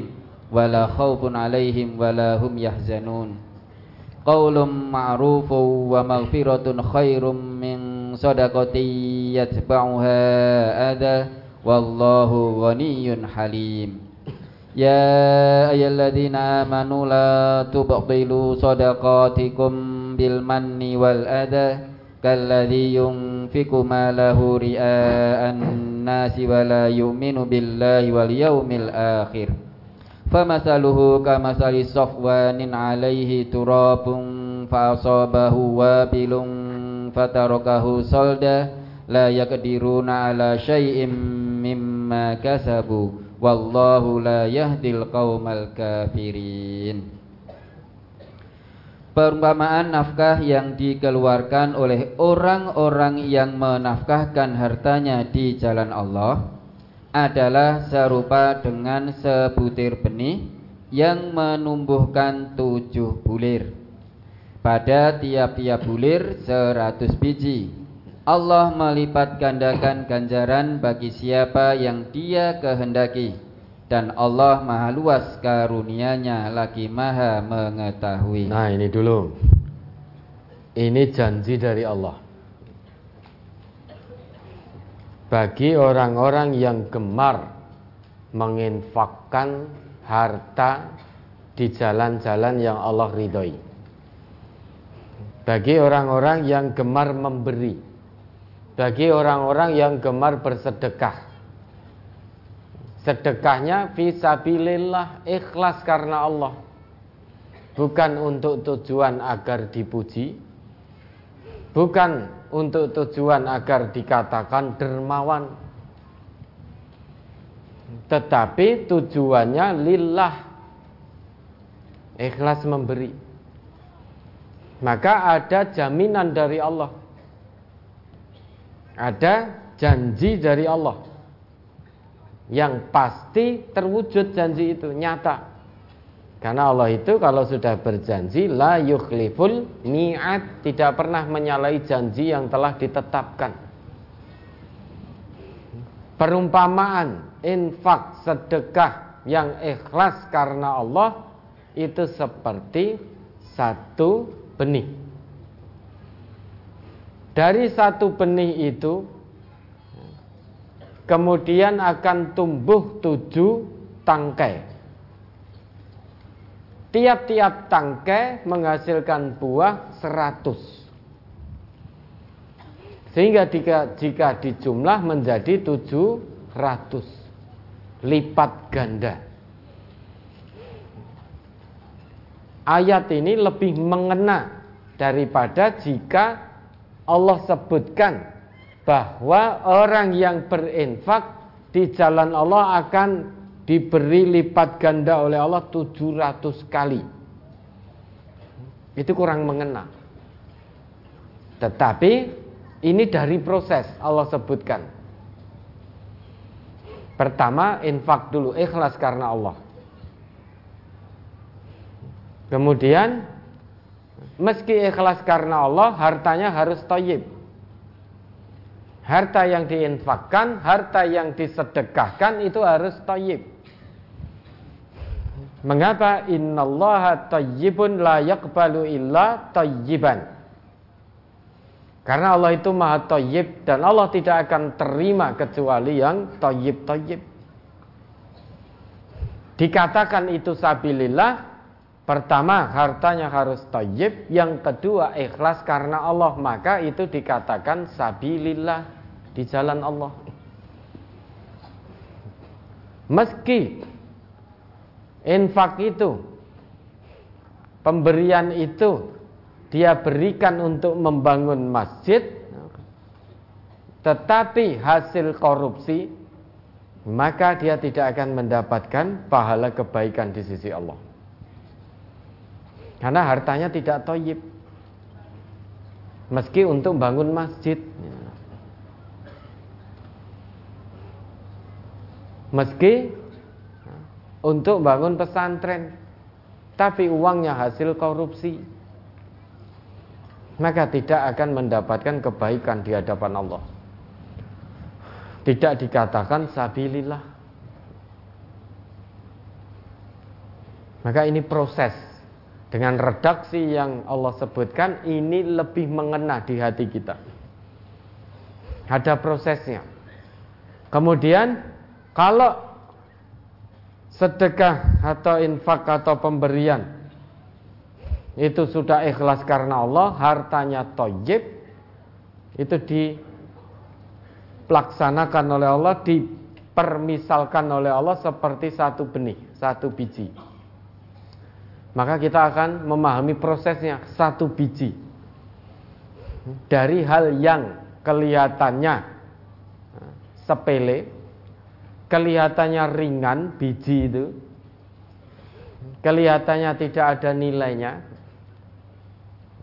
Tapi ternyata dari satu biji ini karena keikhlasan ini akan melahirkan tujuh tangkai. Siapa yang memelihara? Yaitu Allah. Kita infak ikhlas karena Allah maka infak kita, sedekah kita dijaga oleh Allah di sisinya. Dirawat oleh Allah. Ibarat petani menanam satu benih kemudian merawat benih itu. Kemudian dari benih itu tumbuh kembang begitu subur menjadi tujuh tangkai. Sedekah kita yang ikhlas karena Allah tadi dijaga oleh Allah maka akan bertumbuh kembang secara subur, berkah. Tumbuh kembangnya itu subur. Maka dipermisalkan satu benih menimbulkan memunculkan tujuh tangkai. Dari tujuh tangkai ini ternyata satu tangkai isinya seratus buah sehingga berlipat ganda yang cukup banyak. Wallahu yudha'ifu liman. Allah melipat gandakan itu pada siapa yang Dia kehendaki. Yang Dia kehendaki siapa? Yaitu orang-orang yang infak fi sabilillah.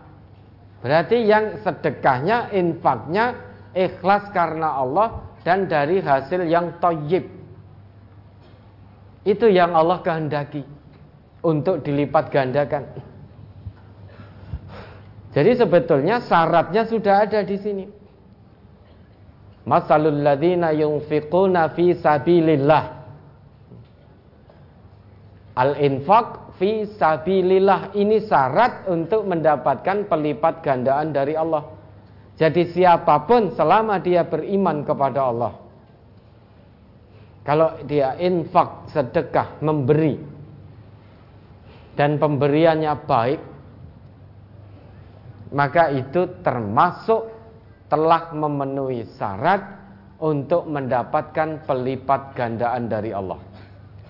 Wallahu yudha'ifu liman yasa wallahu wasi'un alim. Karena Allah maha luas karunianya. Sehingga kita tidak bisa berpikir Bapak Ibu.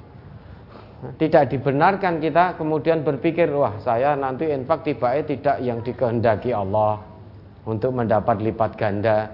Kalau ada pemikiran seperti itu, ya potensi tidak akan dapat lipat ganda karena tidak ikhlas.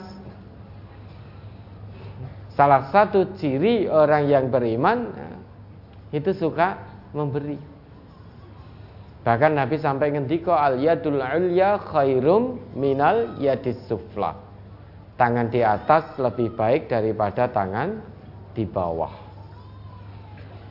Maka gemar memberi tapi ikhlas, ikhlas ya, bukan untuk tujuan yang lain-lain. Maka mendapat janji dari Allah termasuk hambanya yang akan mendapatkan karunia yang berlipat ganda dari Allah. Terus lanjut.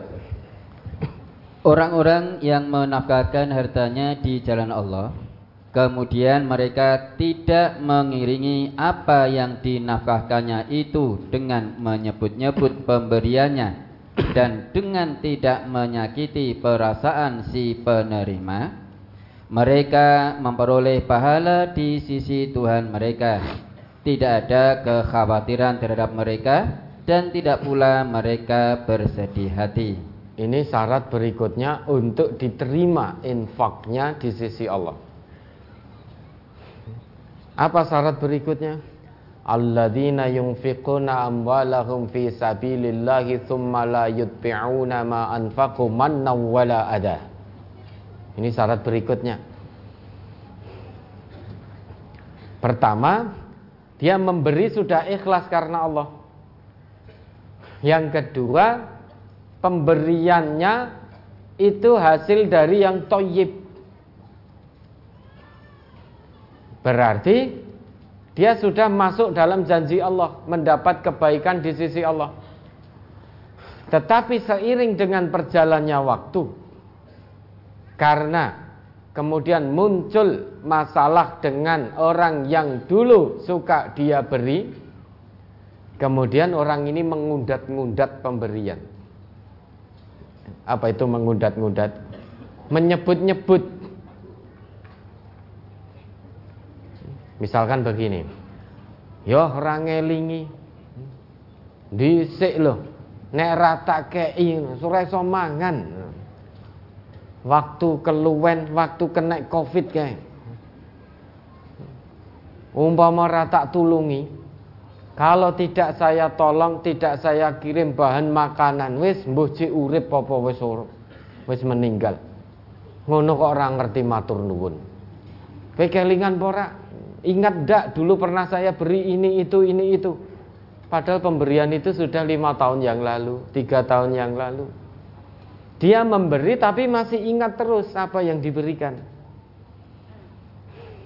Sehingga suatu saat dalam muamalah muncul masalah dengan orang yang dulu pernah dia tolong, pernah diberi.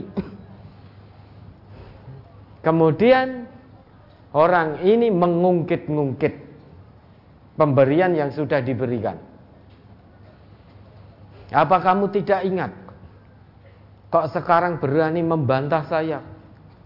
Apa kamu tidak ingat dulu pernah saya beri ini, itu, ini, itu, dan lain sebagainya? Nek seiki wani gay masalah karo aku, balik no, dhisik sing wis tak kei.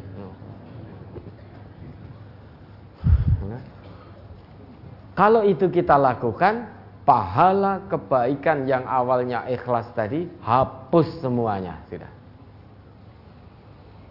Saat kita mengungkit pemberian. Orang Islam yang ikhlas itu tangan kanan memberi seolah-olah tangan kiri tidak mengetahui. Ini mengandung, mengandung pelajaran ibrah kalau sudah memberi sudah. Misalkan ini ya, yang ada dalam tangan saya ini saya berikan jenengan, jenengan terima apa yang sudah lepas dari tangan saya, saya berikan ikhlas karena Allah pada seseorang, saya sudah lupa. Karena sudah lepas dari tangan saya. Milkiyahnya sudah berpindah. Kepemilikannya sudah berpindah. Yang awalnya milik saya menjadi milik saudara saya. Karena sudah saya berikan. Maka kalau memang ikhlas karena Allah, apa yang sudah terlepas dari kita untuk kita berikan ikhlas karena Allah pada orang lain, sudah lupakan saat itu juga. Sehingga seolah-olah tangan kirinya tidak tahu. Karena kalau sampai tahu, terus masih kita ingat, ini menjadi penyebab. Nanti kalau timbul masalah, kita akan ungkit. Kita akan ungkit. Nah saat kita mengungkit pemberian itulah, menyebut-nyebut terus apa yang sudah kita berikan hanya gara-gara ada masalah dalam muamalah lantas kita ungkit pemberian yang dulu pernah kita berikan saat itulah pahala kebaikan kita hapus di sisi Allah. Atau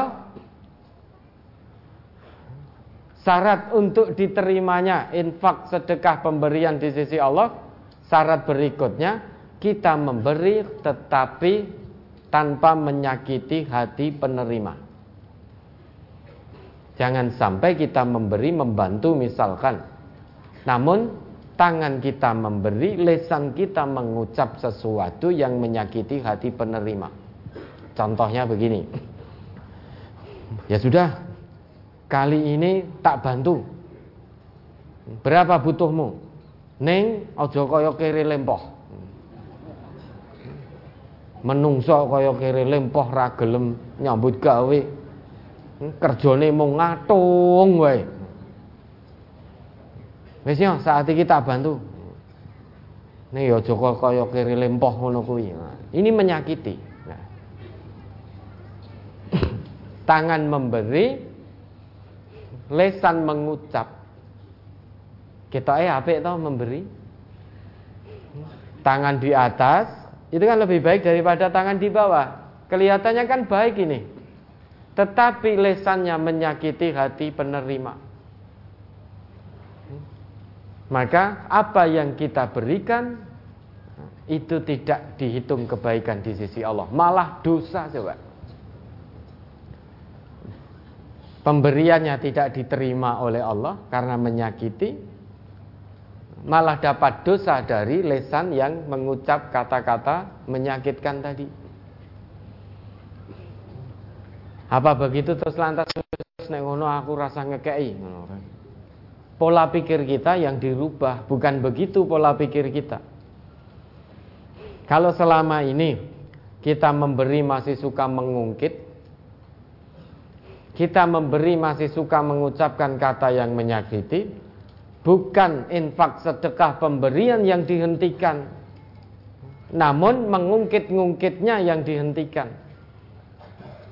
Menyakiti secara lesannya yang dihentikan.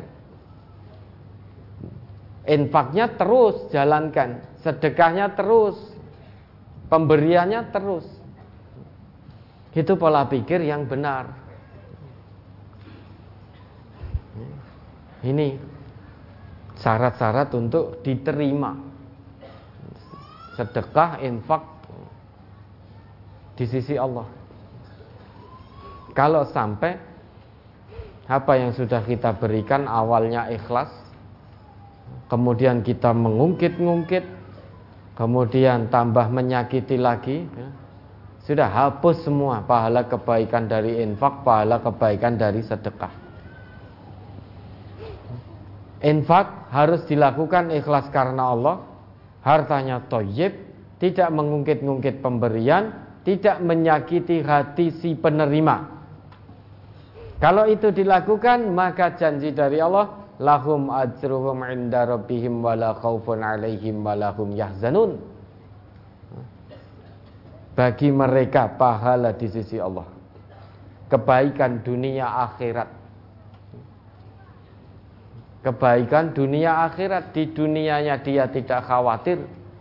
Tidak khawatir miskin, tidak khawatir melarat, tidak khawatir bangkrut, tidak khawatir di PHK karena infak sedekah memberi yang sabilillah. Jika dia memberi sudah lupa saat itu juga. Hatinya penuh dengan ketenangan. Tidak ada was-was. Kingko aku ngekei, engkau sesuk reso mangan. Nah, berarti belum ikhlas itu. Banyak Bapak dan Ibu ya, banyak saudara-saudara kita dalam setiap harinya Allah takdirkan Allah hanya titipkan misalkan hanya 100 ribu namun banyak di antara saudara-saudara kita yang 50 ribunya disedekahkan. Karena dia merasa cukup kona'ah untuk kebutuhan diri dan keluarganya hanya 50 ribu itu setiap hari. Dia merasa cukup. 50 ribunya dia merasa ini sisa. Karena ini sisa kebutuhan saya dan keluarga hanya 50 ribu. Yang 50 ribu sisa maka dia masukkan ke kota infak mungkin di masjid, mungkin pondok pesantren mungkin untuk membantu orang lain tapi ada pula Orang yang Allah titipkan setiap hari penghasilan mungkin 10 juta karena berbisnis. Mungkin dia Allah titipkan uang 100 juta. Namun ketika sedekah infak ya mung 50.000. Padha karo sing 100.000 tadi. Bagi yang 100 ribu tadi untuk sedekah 50 ribu 50 persennya itu sesuatu sekali. 50 persen dari hartanya. Bagi yang punya 100 juta infak sedekahnya hanya 50 ribu 100 ribu itu tidak ngefek terhadap 100 jutanya.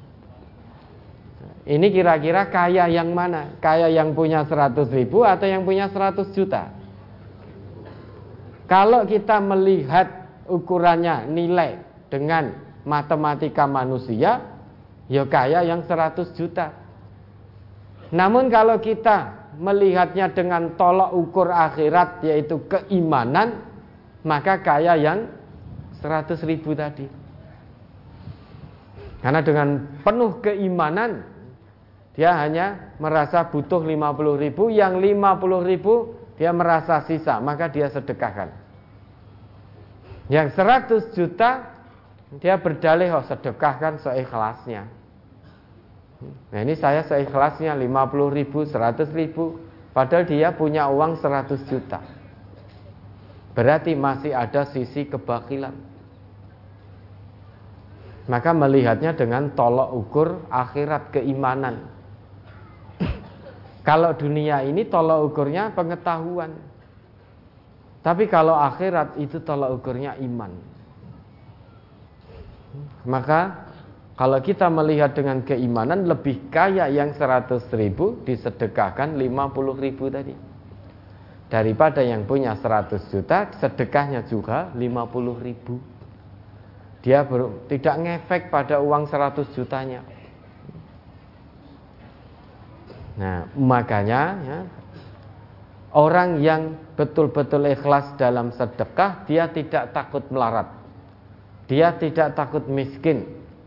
Dia tidak takut kekurangan. Karena yakin betul Allah itu Ar-Razzaq. Yakin betul bahwa Allah berjanji wa ma anfaqtum min syai'in.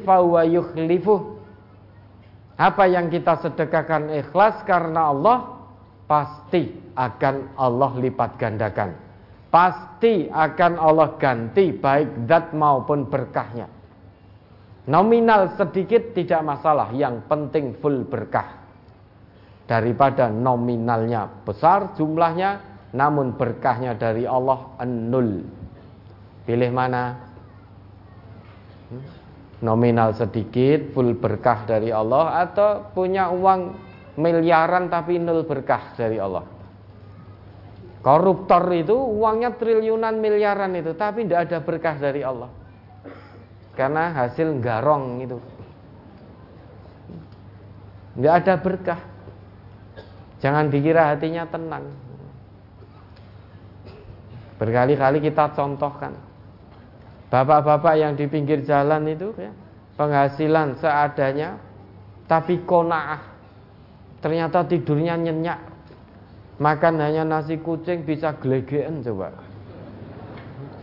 Bisa gelegean habis itu molet begini habis itu sari. Yang korupsi triliunan, miliaran, makannya bisa beli apa saja. Susah tidur, hati tidak tenang, dan lain sebagainya, dan lain sebagainya. Bapak yang di pinggir jalan itu tidur di emperan toko, tidak ada kasur, tidak ada selimut, apalagi AC. Tidur di jalan, alas koran, makannya hanya nasi kucing, tetapi nyenyak sekali sarinya. Kenapa? Karena kona'ah bersyukur. Maka kalau sedekah, infak sudah. Kita memberi sesuatu, kalau sudah kita berikan sudah, jangan diingat-ingat lagi. Ikhlas karena Allah. Terus Perkataan yang baik dan pemberian maaf lebih baik dari sedekah yang diiringi dengan sesuatu yang menyakitkan perasaan si penerima. Allah Maha Kaya lagi Maha Penyantun. Allah itu Maha Penyantun. Allah yang memberi kita semua saja tidak ada satupun kalimat dari Allah yang menyakiti kita. Padahal yang paling berhak itu Allah. Semuanya Allah kasih untuk kita. Allah itu maha kaya. Allah itu maha penyantun. Allah saja santun. Masa kita makhluknya menjadi tidak santun dengan memberi tapi mencaci. Dengan memberi tapi menyakiti. Allah sang kholik saja santun bisa mengampuni dosa-dosa hamba-hambanya. Saat Allah memberi tidak pernah menyakiti. Masa kita makhluknya yang bergelimang dosa tidak santun dengan sesama. Ketidaksantunannya ditunjukkan saat memberi menyakiti. Maka perkataan yang baik qaulun ma'rufun wa maghfirah dan menjadi pemaaf itu lebih baik daripada kita sedekah namun menyakiti jangan pernah lantas berpikir bahwa aku rungi soh nek ngekei ora tanpa muni nglarani yo Mudah kalau begitu saya tidak memberi dulu sampai saya ikhlas. Kalau itu pola pikir kita selamanya nggak akan bisa ikhlas. Bukan memberinya sedekah infaknya yang dihentikan, tapi lesannya ditutup. Hmm. Susah sepiro toh? Hanya untuk menutup lesan saja. Menutup mulut itu susahnya seberapa? Sudah ditutup ketika memberi tutup.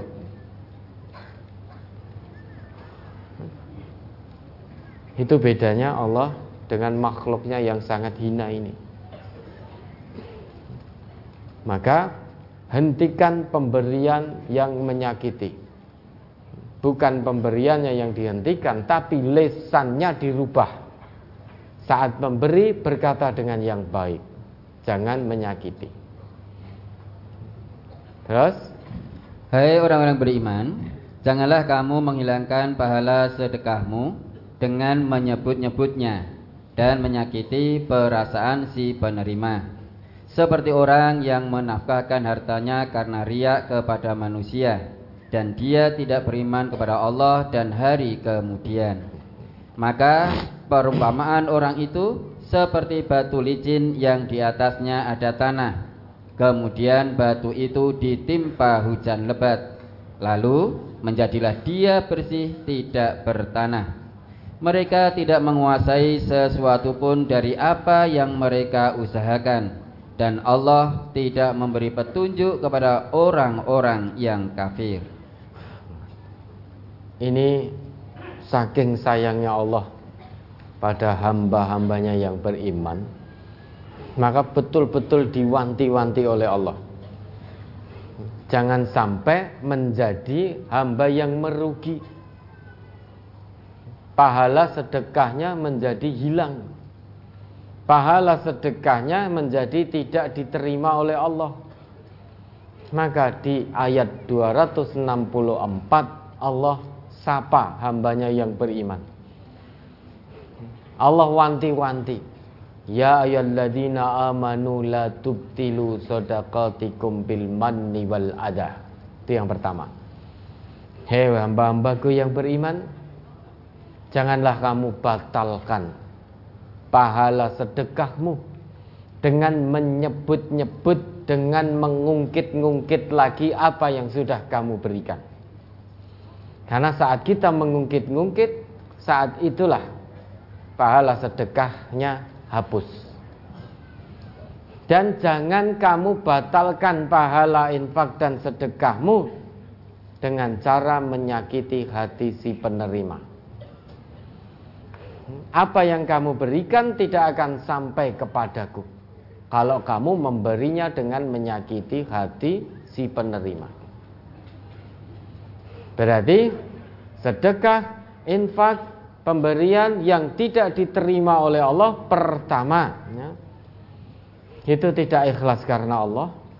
Yang kedua mengungkit-ungkit pemberian. Yang ketiga menyakiti hati si penerima. Yang keempat, kalladhi yunfiqu malahu ria'an nas. Sedekah, infak, zakat, pemberian yang dilakukan tujuannya untuk riak, untuk pamer, bukan untuk Allah, tapi untuk dipuji, maka ini tidak sampai pada Allah. Kemudian wala yu'minu billah wal yaumil akhir pembelanjaan harta meski dalam kebaikan namun dilakukan oleh orang yang tidak beriman kepada Allah dan tidak pula beriman pada hari akhir maka semua pembelanjaan harta yang demikian tidak sampai kepada Allah Famasaluhu kamathali safwanin alaihi turab. Fa'asobahu wabilun fatarakahu solda. Pemberian infak sedekah yang dilakukan seperti tadi menyebut-nyebut, mengungkit-ungkit, menyakiti hati si penerima karena riak dilakukan oleh orang-orang yang tidak beriman pada Allah dan hari akhir itu perumpamaannya seperti batu licin yang di atasnya ada debu di atas batu itu. Kemudian tiba-tiba turun hujan yang sangat lebat, wabilun. Kira-kira debu yang ada di, bat, di atas batu yang licin tadi masih ada tidak? Hmm? Masih ada tidak? sudah tidak ada. Ada batu, di atas batu itu ada debu, turun hujan yang sangat lebat. Mengguyur batu itu. Kira-kira batunya masih ada debunya tidak? Sudah tidak ada, sudah bersih sekali.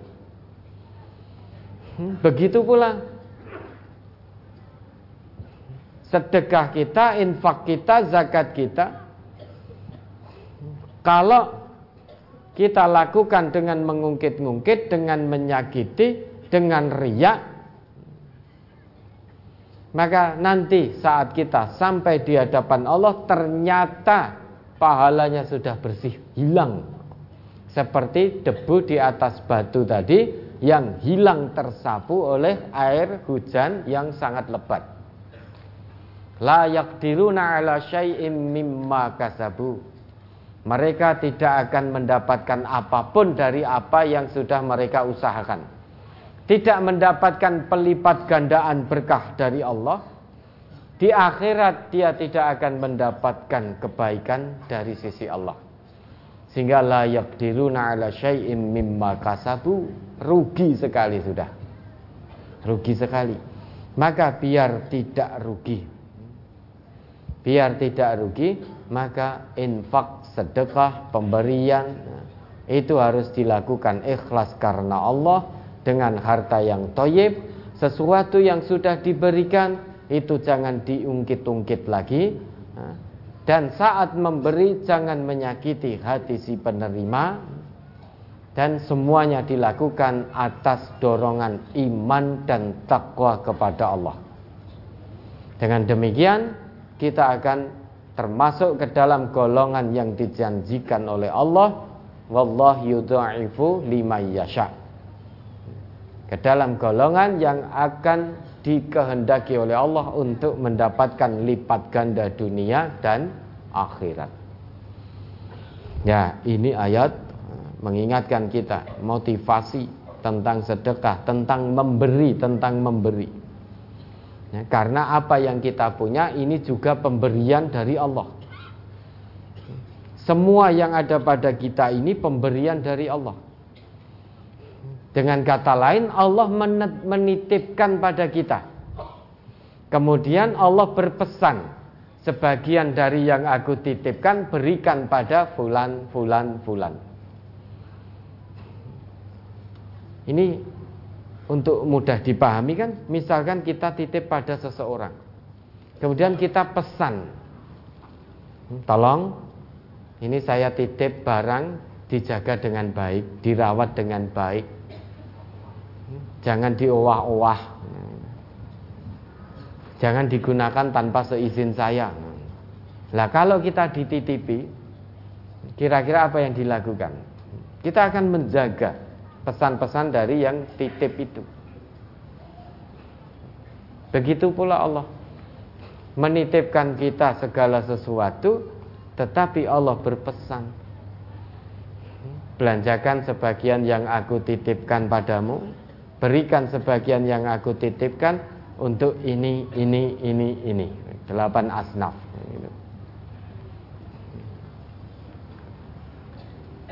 Untuk ini membantu sesama, untuk ta'awun, untuk sabilillah, untuk bangun masjid, untuk bangun rumah sakit, untuk bangun dan lain sebagainya dan lain sebagainya. Untuk bantu fakir miskin. Itu pesan-pesan dari Allah.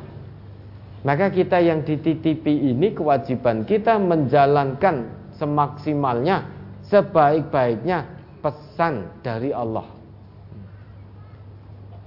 Ya, mudah-mudahan bisa dipahami. Ada lagi? Baik, berikutnya masuk ke pertanyaan langsung saat ini. Baru satu. Ya. Ya, yeah. boleh, maka. Bapak, Ibu, dan saudara sekalian yang mengendaki pertanyaan langsung pada kesempatan akad ini, silahkan menyebutkan nomor mic-nya terlebih dahulu. 11, 13, 14, 13, 11, 13, 16, 14. Baik. Sementara tiga dulu Bapak ya. 11, 13 dan 14. Nanti kalau masih ada waktu kita buka kembali. Baik, kita mulai dari nomor 11. Dipersilahkan berdiri kemudian memperkenalkan dirinya. Silahkan Mas.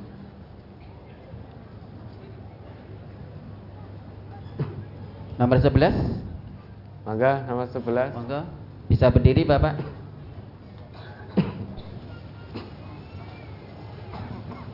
Tidak ada? 13. Tadi menyebut nomor 11. Tidak ada.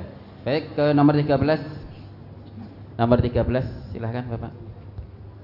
Assalamualaikum warahmatullahi wabarakatuh. Waalaikumsalam warahmatullahi wabarakatuh. Perkenalkan saya Wuryanto dari Salatiga. Nggih, Pak Wuryanto nggih mohon dijelaskan apa yang membedakan ustadz atau ulama suk ulama jelek dan ulama yang baik. Apakah ulama sub itu yang suka mengumpulkan dana sedekah untuk modal? Ataukah ulama sub itu yang e, kalau dipanggil sesuai tarif? Demikian. Mohon dijelaskan perbedaan ulama sub sama ulama baik. Kemudian dulu pernah dicanangkan revolusi mental, revolusi mental. Saya pikir setelah revolusi mental itu semua orang akan hidup baik. Seperti perjudian tetap merajalela. Apalagi hukum tajam di kopral, tumpul di jenderal. Hukum tajam di rakyat, tumpul di aparat. Ya, kalau demikian itu sangat berbahaya untuk NKRI. Seperti kasus Fadi Sambo. Fadi Sambo lah itu jenengan pirsa nok. Dengan kehadiran Kompolnas Komnas HAM, saya khawatir kalau Kompolnas dan Komnas HAM itu sebagai juru bicara. Karena aca, uh, sampai se se sebulan ini berlarut-larut. Apakah kita boleh memberikan masukan ke Kompolnas atau Komnas HAM sesuai disiplin ilmunya? Terima kasih. Wassalamualaikum warahmatullahi wabarakatuh. Yang membedakan ulama su dan ulama baik. Apakah ulama su itu yang pasang tarif? Ya belum tentu. Tapi yang jelas untuk mendakwahkan agama ini itu kewajiban kita. Dan kita dilarang oleh Allah untuk menerima upah dalam menjelaskan Quran dan Sunnah. Wong kewajiban kok. Ini kewajiban. Nah nanti kalau pasang tarif delalah berbarengan. Ditonton amplope. Kalau sana tebal akan datang ke sana. Kalau sana tipis tidak datang padahal sana tebal itu isinya dua ribuan makanya tebal yang sana tipis karena seratus ribuan tapi jumlahnya lebih banyak ya kalau menurut Nabi ulama su tahta adi sama itu salah satu cirinya kharajat min humul fitnah keluar dari lesan-lesan beliau itu fitnah. Ketika di cross check fitnah itu ternyata kembalinya kepada orang-orang yang ngaku atau dalam tanda petik dianggap ulama. Itu seburuk-buruk ulama yang pernah ada di bawah kolong langit. Itu menurut Nabi kita. Tahta adi sama kharajat humul fitnah wa ilaihim ta'ud keluar dari ulama itu fitnah. Hanya gara-gara beda pemahaman fitnah sana fitnah sini. Yang itu sesat karena tidak sama bajunya dengan saya. Yang sana ingkar sunnah. Karena tidak sama dengan pemahaman saya. Ketika di cross check kok ada fitnah seperti ini. Ini sumbernya dari mana? Ternyata wa ilaihim ta'udu. Fitnah itu ternyata sumbernya dari orang yang dianggap ulama. Padahal yang namanya ulama itu warasatul ambia, pewaris para nabi. Itu sing ulama menurut Allah. Kalau ada orang ngakunya ulama kok kerjaannya memfitnah orang lain. Hanya gara-gara tidak sama. Dan merasa paling benar merasa paling suci ini masuk kriteria hadis Nabi tadi ya, seburuk-buruk ulama. Yang pernah ada di bawah kolong langit. Karena hanya menebar fitnah hanya gara-gara beda pemahaman. Hanya gara-gara beda baju. Pokoknya kudu podo. Agama ini memang harus sama. Itu bisa sama kalau semuanya merujuk pada Quran pada sunnah. Hanya gara-gara berbeda pemahaman lantas memfitnah sana sini senengane memfitnah untuk mencelakakan orang lain yang memang tidak sama dengan dirinya. Maka itu menurut Nabi ya, seburuk-buruk ulama. Dan juga ulama yang buruk itu yang apa? Menyeru ke pintu-pintu jahannam, du'atun ala abwabi jahannam. Ya termasuk menyeru wis lakonono iki. Ora takon dalil-dalilan. Engko nek dosa tak tanggungi. Padahal agama ini menurut Allah, menurut Rasul bukan menurut fulan.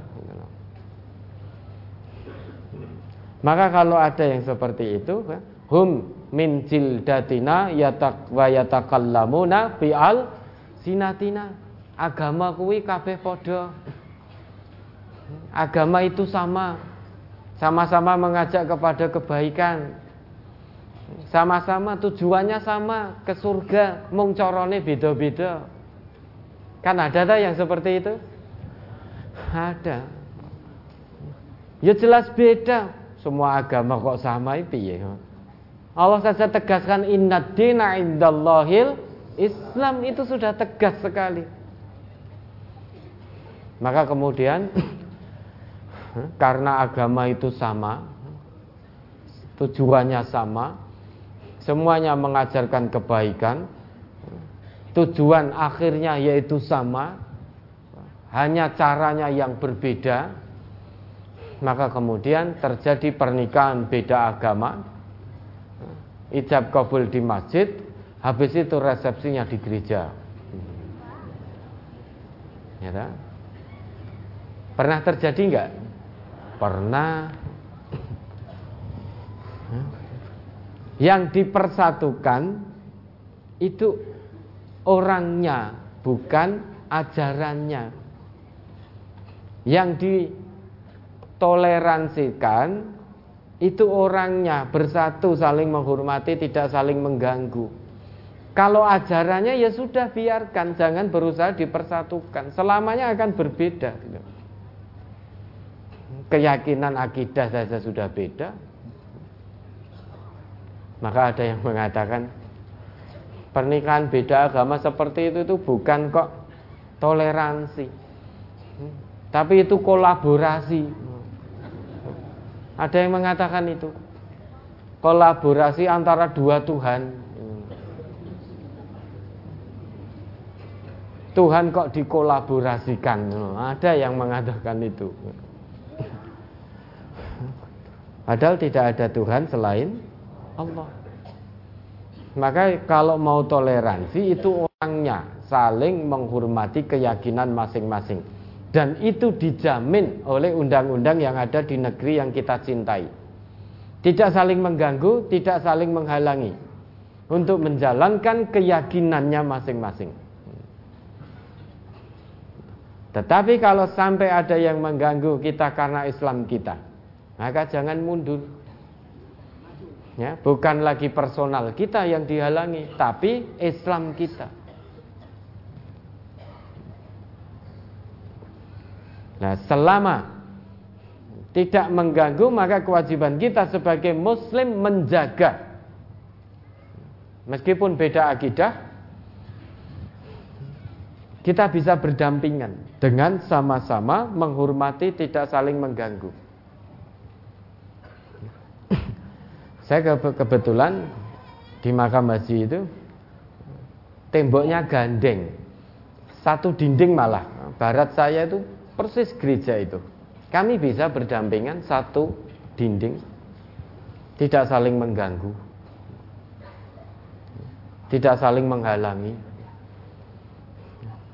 Itu berarti kita bisa berdampingan. Tetapi ajarannya jangan pernah sekali-sekali untuk diakurkan Itu toleransi kebablasan. Ingin menghadirkan satu toleransi melebihi toleransi yang telah Allah gariskan. Allah sudah gariskan lakum dinukum waliyadin. Itu sebaik-baik toleransi. Karena Allah yang mengatakan. Jangan saling mengganggu.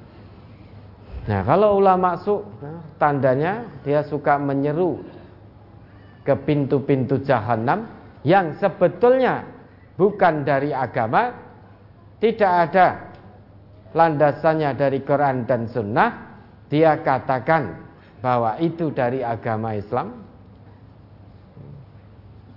maka ini termasuk ulama yang perlu kita waspadai, jangan diikuti ulama su. Misalkan wis ini tidak apa-apa tidak apa-apa seperti ini. Kau dosa tak tanggungi.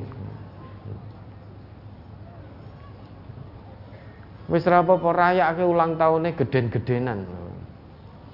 Nek dosa tak tanggungi neraka tak gonane dewi Fama asbarohum alanar. Alangkah beraninya menentang api neraka.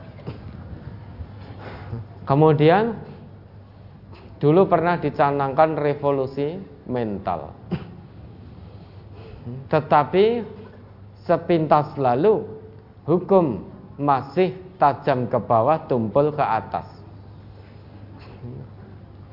Revolusi mental tidak hanya bisa diwacanakan saja tetapi harus dilaksanakan. Untuk bisa melaksanakannya jangan dari bawah, tapi dari atas. Karena yang bawah itu melihat yang atas. Jangan hanya para pejabat bisa mencanangkan revolusi mental kepada rakyatnya, tetapi yang di atas malah amburadul secara akhlak amburadul. Kalau sampai terjadi demikian, naudzubillah. Yang di atas mempertontonkan kepada rakyatnya korupsi, selingkuh, dan lain sebagainya dan lain sebagainya. Yang di atas itu revolusi mental itu bisa tercapai kalau yang di atas memberi keteladanan. Jadi jangan paksa rakyat untuk melaksanakan dulu sebelum yang di atas melaksanakan. Karena revolusi mental itu butuh uswah, butuh keteladanan. Apalagi mayoritas pejabat kita ini muslim karena penduduk kita alhamdulillah mayoritas beragama Islam. Seorang muslim pasti tahu amanah ini, pangkat ini bukan jabatan, tapi ini amanah. Pangkat ini, jabatan ini bukan untuk pujian, tapi ini ujian dari Allah. Seorang muslim yang betul dia tahu ini amanah. Jihad dengan pangkat, jihad dengan jabatannya. Sedangkan amanah butuh uswah kepercayaan dan keteladanan. Rakyat Indonesia sudah mempercayakan kepada beliau-beliau untuk ngurus negeri ini. Kita titip kepada beliau-beliau. Harusnya yang beragama Islam harus bisa mewarnai karena kewajiban kita sebagai muslim ishadu bi anna muslimun saksikan aku ini orang Islam. Maka orang Islam itu harus bisa mewarnai. Jangan sampai terwarnai. Selama yang di atas belum bisa memberikan keteladanan. Jangan harap negeri ini akan menjadi baik. Coba diingat itu. Al-Isra ayat 16. itu tentang keteladanan para pengemban-pengemban amanah di satu negeri. Wa idza aradna an nuhlika qaryatan amarna mutrafiha fafasaku fiha fahaqqa 'alaiha alqawlu fadammarnaha tadmira. Itu yang terjadi nanti. Surat Al-Isra surat ke-17 ayat 16. A'udzubillahi minasyaitonirrajim. Wa idza aradna an nuhlika qaryatan amarna mutrafiha fafasaku fiha fahaqqa 'alaiha alqawlu fatammarnaha tadmira Dan jika kami hendak membinasakan suatu negeri maka kami perintahkan kepada orang-orang yang hidup mewah di negeri itu supaya mentaati Allah tetapi mereka melakukan kedurhakaan dalam negeri itu. Maka sudah sepantasnya berlaku terhadapnya perkataan atau ketentuan kami. Kemudian kami hancurkan negeri itu sehancur-hancurnya. Iya toh? Ini ketetapan Allah. Dan ayat itu dibuka dengan ida. Ida itu dalam bahasa Al-Quran digunakan untuk menunjuk satu peristiwa yang pasti terjadi atau belum terjadi namun kejadiannya pasti pasti akan terjadi. Atau kejadian itu sudah terjadi. Atau belum terjadi namun nanti pasti terjadi. Itu ida wa idza aradna an nuhlika qaryatan qaryatan bentuknya nakiroh masih umum sifatnya, tidak ada alif lam di situ. Bukan wa idza aradna an nuhlikal qaryata, bukan. Tetapi qaryatan nakiroh sifatnya masih umum, berarti negeri mana pun bisa masuk dalam ayat itu.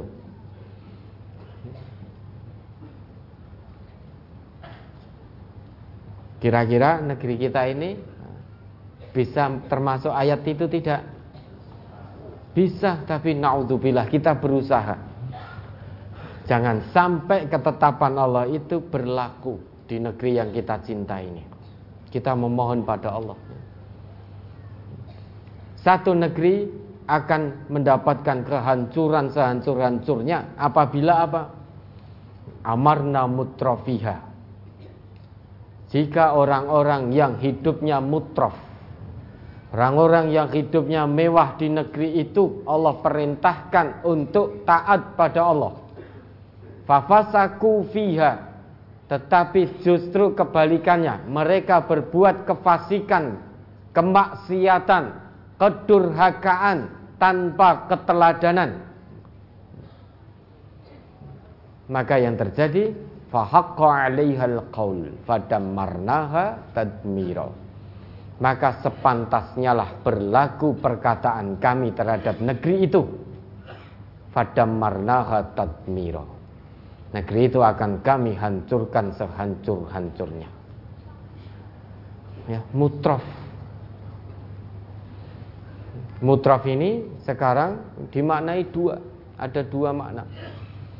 Yang satu orang yang hidup mewah artinya orang kayanya dan para pejabatnya diperintah oleh Allah untuk tunduk patuh kepada Allah tetapi malah melakukan satu pembangkangan, satu kedurhakaan seperti korupsi. Korupsi itu amal soleh atau toleh? Toleh. Membunuh itu kebaikan atau kedurhakaan? Kedurhakaan. Dan setiap saat kita menyaksikan itu. Pejabat-pejabat kita, oknum-oknum pejabat kita korupsi. Foto-foto, dada-dada tanpa tahu malu lagi. Rakyatnya menjerit menderita karena uangnya habis digarong oleh oknum pejabat ini. Nah ternyata sekarang mutrof itu tidak hanya bisa dimaknai dari sisi materi saja. Ternyata sekarang banyak orang yang tidak berkecukupan ternyata juga mutrof foya-foya dalam kemaksiatan. Ada orang yang tidak punya tetapi ya tetap mabuk-mabukan. Cuma mabuknya beda dengan orang yang punya. Ini mabuknya dengan autan ya. Di op, apa untuk campuran oplosan apa kan gitu. Dengan bat nyamuk. Ini mutrof sehingga semuanya Sebagian ada, ya. tentu tidak semua. Masih banyak yang baik di negeri kita ini. Masih banyak, insya Allah masih banyak yang baik, taat pada Allah, tunduk pada Allah, itu masih banyak. Nah, kalau satu negeri itu orang-orang yang hidup mewah, pejabat-pejabatnya tidak taat pada Allah, maka potensi besar negeri itu akan dihancurkan oleh Allah sehancur-hancurnya. Banyak negeri yang sudah Allah hancurkan karena kedurhakaan penduduknya. Wa kam min qaryatin ahlaknaha. Berapa banyak negeri yang sudah kami hancurkan. Itu kata Allah. Dan itu diabadikan di dalam Al-Quran supaya apa? Generasi berikutnya mengambil ibrah dari kehancuran negerinya. Padahal Allah juga telah tetapkan wa makana Allah li wa rabbuka liyuhlikal qura wa ahluha muslihun. Tuhanmu yaitu Allah tidak akan pernah menghancurkan satu negeri. Sehancur-hancurnya kalau penduduk negeri itu muslihun beramal soleh. Kalau negeri itu penduduknya beramal soleh, bukan bencana yang datang, bukan kehancuran yang menimpa, tetapi berkah dari langit dan bumi. Walau anda ahlal qura amanu wattaqau. Lafatahna alaihim barakatim minas sama wal ard. Dan Nabi kita juga bersabda, salah satu tanda hancurnya satu kaum, hancurnya satu negeri. Hida saraka fihi musyarifu tarokuhu. Wa idza saraka fihi mudda'ifu aqamu alaihi haddah. Tanda hancurnya satu negeri jika yang mencuri Artinya yang melakukan pelanggaran, melakukan kemaksiatan, melakukan kedurhakaan, melakukan pelanggaran nidom, itu orang-orang terhormat mereka, tarokuhu. Mereka akan biarkan begitu saja. Tidak ditegakkan sanksi. Tetapi Wa idza saraka fihi mudda'ifu. Kalau yang mencuri itu orang yang lemah. Orang yang tidak punya pangkat. Orang yang tidak punya harta. Orang miskin yang mencuri aqamu alaihil had. Hukum sanksi tegak sekali terhadap orang yang lemah yang melakukan pencurian. Terhadap orang lemah yang melakukan pembunuhan. Saat yang terlibat dalam menghilangkan nyawa orang itu orang yang punya jabatan punya harta tiba-tiba tidak ada sanksi. Tarokuhu mereka meninggalkannya artinya tidak ditegakkan sanksinya tapi yang mencuri rakyat biasa hanya mencuri pohong satu saja ditegakkan di masa bahkan sampai meninggal dunia. Di penjara sanksinya turun. Tegak sekali. Kalau itu terjadi di satu negeri, maka siap-siap negeri itu menuju kehancuran. Dan mudah-mudahan tidak terjadi di negeri kita. Apakah boleh memberikan masukan ke Kompolnas? Boleh. Kalau bapak memang anu beri masukan ke Kompolnas. Insya Allah nanti akan diproses masukan-masukannya dipelajari akan diproses. Tapi ingat beliau-beliau yang sudah dipercaya rakyat untuk mengatur negeri ini kalau tidak taat pada Allah, tidak taat pada aturan Rasulullah, maka ini khianat. Kalau dia seorang muslim, dia khianat. Mengkhianati Allah, mengkhianati Rasulullah, mengkhianati amanah yang ada pada dirinya. Dan mayoritas pejabat-pejabat negeri kita ini beragama Islam. Maka amanah jabatan itu amanah, amanah butuh uswah. Sehingga amanah sama dengan uswah, uswah sama dengan amanah. Kepercayaan dan keteladanan. Yang bisa menjalankan ini hanya hamba Allah yang hatinya khusuk dipenuhi dengan keimanan dan ketakutan hanya kepada Allah. Ya, mudah-mudahan pejabat-pejabat kita betul-betul menjadi pejabat yang amanah sehingga bisa mengantarkan negeri ini bersama-sama dengan rakyat menuju baldatun tayyibah wa rabbun ghafur. Negeri yang baik, yang aman, sentosa, gemah ripah loh jinawi. Negeri yang penuh ampunan dari Allah Subhanahu wa taala. Ya, nah kita bagaimana sebagai rakyat kecil? Maka kalau memang ada oknum pejabat yang durhaka, yang korupsi dan lain sebagainya, jangan ikut-ikutan. Biar kemaksiatan tidak menyeluruh. Maka ibda binafsik, mulai dari diri kita. Ku anfusakum wa ahlikum naro, jaga diri kita, keluarga kita dari api neraka. Udah. Ya, kita berdoa pada Allah. Ikhtiar insaninya kita tidak ikut-ikutan, kalau ada yang jadi lurah, kan ada toh harga MTA yang jadi lurah, jangan ikut-ikutan korupsi. Orang keduman rapopo. Yang penting keduman di hadapan Allah.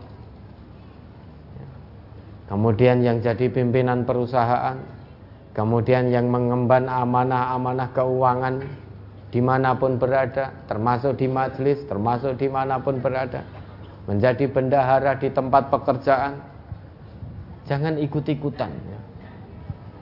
Kalau ikut-ikutan ya sama kesudahannya. Ya, sengsara dunia, sengsara akhirat. Ya, mudah-mudahan bisa dipahami. Baik, berikutnya ke nomor mic 14, silahkan Bapak.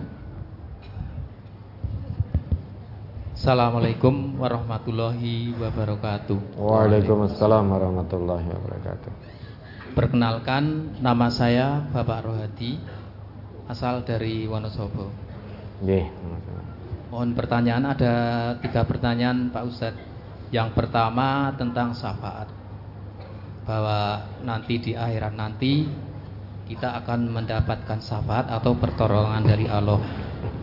Namun ada pemandangan dari sebagian kita atau mungkin banyak orang mengatakan bahwa di samping kita nanti di akhirat mendapatkan syafaat atau pertolongan dari Allah, kita juga akan mendapatkan pertolongan dari Rasul. Sehingga doanya mohon apa? Semoga nanti di akhirat mendapatkan syafaat Nabi. Bagaimana pemandangan Pak Ustadz yang berhubungan dengan, dengan agama tentang hal ini. Kemudian pertanyaan yang nomor dua tentang taklid Pak Ustadz. Tentang taklid Ya, taklid. Sebagai contoh seperti ini, ketika saya sholat, saya hanya mengikuti teman saya. Namun ternyata sholat yang saya lakukan itu sesuai dengan tuntunan dari Rasul atau tuntunan dari Allah. Tapi saya tidak pernah tahu itu hadisnya seperti apa, mastarnya seperti apa. Apakah saya ini termasuk orang yang taklid? Pertanyaan yang ketiga tentang berkaitan dengan surat Al-Maidah ayat 2. Ini kejadiannya hari ini juga belum selesai nih Pak Ustadz. Di depan rumah saya ada kematian. Kebetulan itu masih saudara dengan istri saya. Nah, ketika ada ritual apa itu deresan atau tahlilan saya datang ke tempat itu. Namun datangnya ketika belum dimulai. Saya ke situ datang menyambut tamu bersalaman. Kemudian setelah ritual tahlilan dan sebagainya itu dilakukan, saya pergi dari, pergi dari situ Pak Ustadz. Nah setelah ritual itu selesai, saya datang lagi. Dalam rangka apa? Membantu bersih-bersih atau eh, laden gitu. Apakah laden saya untuk? untuk apa? Memberikan minum atau makanan laden sama, untuk sama tamunya di situ. Laden untuk kegiatan itu tadi toh? Ya, tapi tapi ritualnya sudah selesai Pak Ustadz. Oke. Pertanyaannya Ya. begini, apakah saya termasuk yang disebutkan di surat Al-Maidah ayat 2 bekerja sama dalam hal keburukan dan perbuatan dosa. Itu saja dari pertanyaan dari saya. Mohon izin ada yang mau menyambung apakah boleh diperbolehkan? Itu saja dari saya. Terima kasih atas tausiahnya. Assalamualaikum warahmatullahi wabarakatuh. Waalaikumsalam warahmatullahi wabarakatuh. Sinten yang mau nyambung siapa? Yeah, Bismillahirrahmanirrahim. Assalamualaikum warahmatullahi wabarakatuh. Waalaikumsalam warahmatullahi wabarakatuh. Perkenalkan nama saya Muhammad Nur Walid 1112 insya Allah Ustaz. Oh iya. Mudah-mudahan ilmunya mirip seperti Al Ustaz. Oh jangan. Saya tidak ada ilmu, ilmunya masih belum ada. Ya ini menyambung pertamaan pertanyaan minggu yang beberapa minggu yang lalu yang dari Bapak dari Sumatera yang ke sininya karena terpaksa karena disuruh anaknya. Oh itu ya. Bapak dari mana? Mohon maaf. Sumatera. Ya, saya dari cabang kerja 4 Perwakilan Karanganyar. Oh Nah, itu- warganya Ustaz Narno ini berarti. Ini. Nggih, nggih, Ustaz Tarno, Ustaz Narno nggih. Ya, ya. Alhamdulillah setiap Ahad pagi Insya Allah bisa mengikuti kajian secara offline di sini karena Alhamdulillah lagi Bapak termasuk dipanggil oleh Allah untuk bisa ikhram di majelis pusat ini Alhamdulillah, Ya, alhamdulillah. Ustadz jangan ngendiko siapa yang tanya jangan seperti itu ini giroh untuk khususnya untuk cabang saya sendiri biar ada tambah lagi gitu semangatnya lebih berkobar lagi untuk Ya. bisa ikram di pusat pusat sini. Oke, kembali ke pertanyaan Ustaz.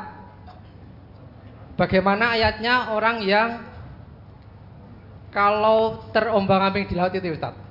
Itu kalau orang orang dalam bahaya itu bisa mendekat sama Allah. Tapi kalau orang itu sudah dilepaskan dari mara bahaya, orang itu tidak ingat lagi kepada Allah. Seakan-akan begitu. Seperti contohnya itu sama halnya orang itu kalau berdoa cuma dalam keadaan butuh sama Allah saja. Tapi kalau tidak butuh sama Allah, ibaratnya udah dikasih yang lebih dari Allah itu sudah lupa lagi sama Allah. Itu ayatnya mohon diterangkan Ustadz sekalian di surat Nopo ayat pinten. Itu kemarin saya tunggu-tunggu Ustadz, ternyata ya- ayatnya belum dijawab sama Al Ustadz. Nggih. Yang kedua mohon doanya semoga kajian kerja empat selalu berjaya, tambah warganya yang banyak dan khususnya untuk saya dan keluarga mudah-mudahan menjadi keluarga yang sakinah mawaddah warahmah. Alhamdulillah walaupun satu dusun baru saya sekeluarga tapi alhamdulillah walaupun dirasani nggih mboten sampai krungu teng telinga Ya, ngoten mawon. ya, ya, Alhamdulillah Ustaz. Nggih. Cukup sekian dari saya. Saya akhiri akhirul kalam. Wassalamualaikum warahmatullahi wabarakatuh. Waalaikumsalam warahmatullahi wabarakatuh. Satu lagi Ustadz, Ya. ini cuma slogan. Ini slogan dari Ustadz. Saya karena per- pendengar persada intensif Ustadz, setiap hari nggak pernah mati radio persada. Ya ini begini Ustadz. Bondo, bahu, pikir, yang perlu sak nyawanis jan. Wassalamualaikum warahmatullahi wabarakatuh. Ya.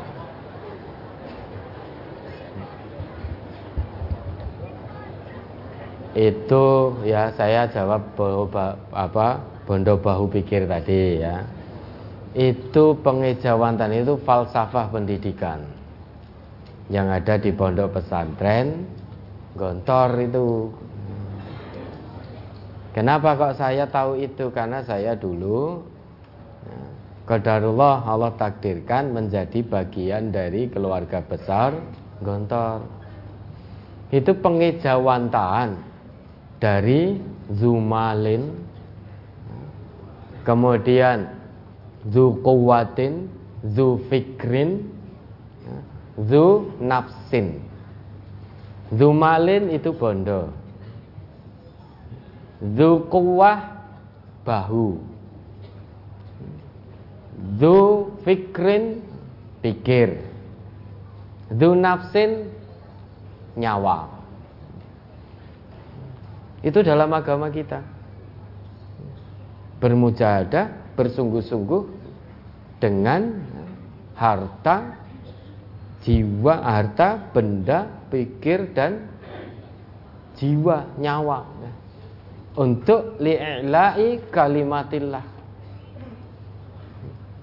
Itu biar masyarakat Jawa pada waktu itu itu tahu. Sehingga familiar bahasa agama menjadi familiar disederhanakan. Menjadi bondo bahu pikir nek perlu sak nyawane bisa. Jihad bil amwal jihad bil anfus perintah Quran perintah hadis ya, ya kemudian saya jawab yang nyambung ini dulu nggih, yang syafaat nanti ya. Syafaat ya nanti hari ini maksudnya hari ini ya. Bukan nanti. Ya. Yang Mas Nurwalid ini dulu ya. Coba dibuka Quran surat Yunus ayat 12. Wa idza massal insana dzurru ta'ana. Falamma kashafna anhu dzurrahu marra ka'allam yad'u ila dzurrim massah. Surat Yunus surat ke-10 ayat 12 Wa idza massal insana dzurru da'ana li jambihi qa. Apa Massal insana ad-durru da'ana li jambihi aw qa'idan aw qa'ima falamma kashafna anhu durrahu marra ka'allam yad'una ila durrim massah. Kadzalika yajzina lil musrifina ma kanu ya'malun. Dan apabila manusia ditimpa bahaya dia berdoa kepada kami dalam keadaan berbaring duduk atau berdiri tetapi setelah kami hilangkan bahaya itu daripadanya, ia kembali melalui jalannya yang sesat. Seolah-olah dia tidak pernah berdoa kepada kami untuk menghilangkan bahaya yang telah menimpanya. Begitulah orang-orang yang melampaui batas itu memandang baik apa yang selalu mereka kerjakan. Manusia itu kalau hatinya tidak penuh keimanan pada Allah. Memang banyak termasuk kita ini mungkin ingatnya pada Allah saat Allah uji kita dengan musibah. Ya musibah apa pun semua musibah yang tidak mengenakkan tidak menyenangkan. Contoh saat sakit. Semua pernah sakit toh Delalah sakitnya agak berat sedikit. Itu kita sudah dalam keadaan berbaring atau berdiri atau duduk. Kita seolah-olah menjadi hamba Allah yang paling soleh sak jagat raya. Kita ber, kita duduk bangun dari tidur kita ingat Allah. Ya Allah sembuhkanlah hamba ya Allah Ketika kita berdiri ingat Allah ya Allah astagfirullah ketika tidak pernah sholat duha, tidak pernah sholat tahajud, ketika sakit tiba-tiba sregep mempeng. Bersimpuh di hadapan Allah munajat dalam sujudnya bercucuran air mata. Wajibnya bolong-bolong ketika sakit apanya sakitnya berat. Ingat terus kepada Allah dalam posisi apa pun. Kan itu tiga, tiga posisi manusia. Wa idza massal insana dzurru ta'ana li jambihi. Itu pertama. Jika manusia itu ditimpa musibah, manusia itu pasti akan memohon kepada kami, yaitu Allah. Li jambihi dengan berbaring. Au qa'idan atau dengan duduk au iman atau dengan berdiri. Semua kondisi, semua posisi manusia kalau sedang sakit yang diingat hanya Allah. Antara orang yang imannya sodik kepada Allah dengan orang yang takut mati beda. Karena orang yang imannya sodik memang dalam kondisi apa pun baik sehat tetap ingat Allah. Kondisi sakit tetap ingat Allah, tidak mengeluh. Itu orang yang imannya sodik. Tapi bagi hamba Allah yang imannya setengah-setengah atau kadib, saat senang banyak yang lupa dengan Allah. Saat susah ingat Allah. Begitu pula sebaliknya. Ada yang saat susah itu ternyata lupa kepada Allah, saat senang malah justru ingat Allah. Yang terbolak-balik. Padahal orang yang beriman itu mau senang, mau susah, mau sehat, mau sakit harus ingat Allah. Nah ini betul. Saat sakit musibah koyo koyoi jadi hamba sing paling bertakwa paling soleh, tidak ada waktu tanpa mengingat Allah. Bercucuran air mata. Dalam sujudnya, tempat sujud basah oleh linangan air mata. Habis sholat zikir, basah pipinya dengan air mata. Tapi begitu Allah jawab doanya diganti ujiannya dari yang tidak menyenangkan menjadi yang menyenangkan. Dari sakit menjadi sehat. Tiba-tiba marro. Dia berlalu seolah-olah ka'allam yad'una ila durrim massah. Seolah-olah dia tidak pernah berdoa kepada kami dahulu untuk dihilangkan musibahnya.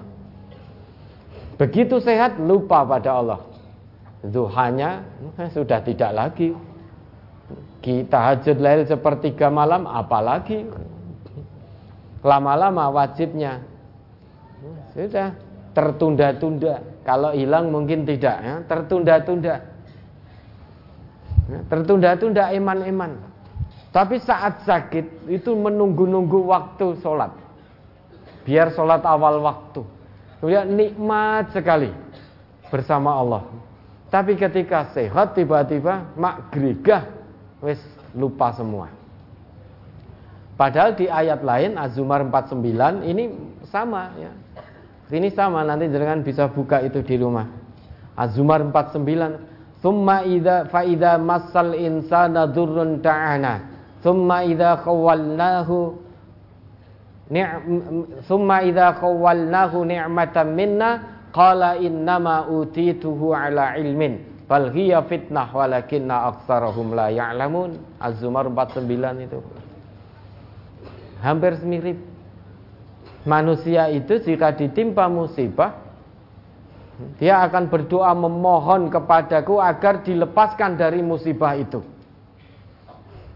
tapi jika kami limpahkan padanya sedikit saja dari nikmat kami, tiba-tiba dia berlaku sombong, melupakan Allah dengan mengatakan, Innama utituhu ala ilmin.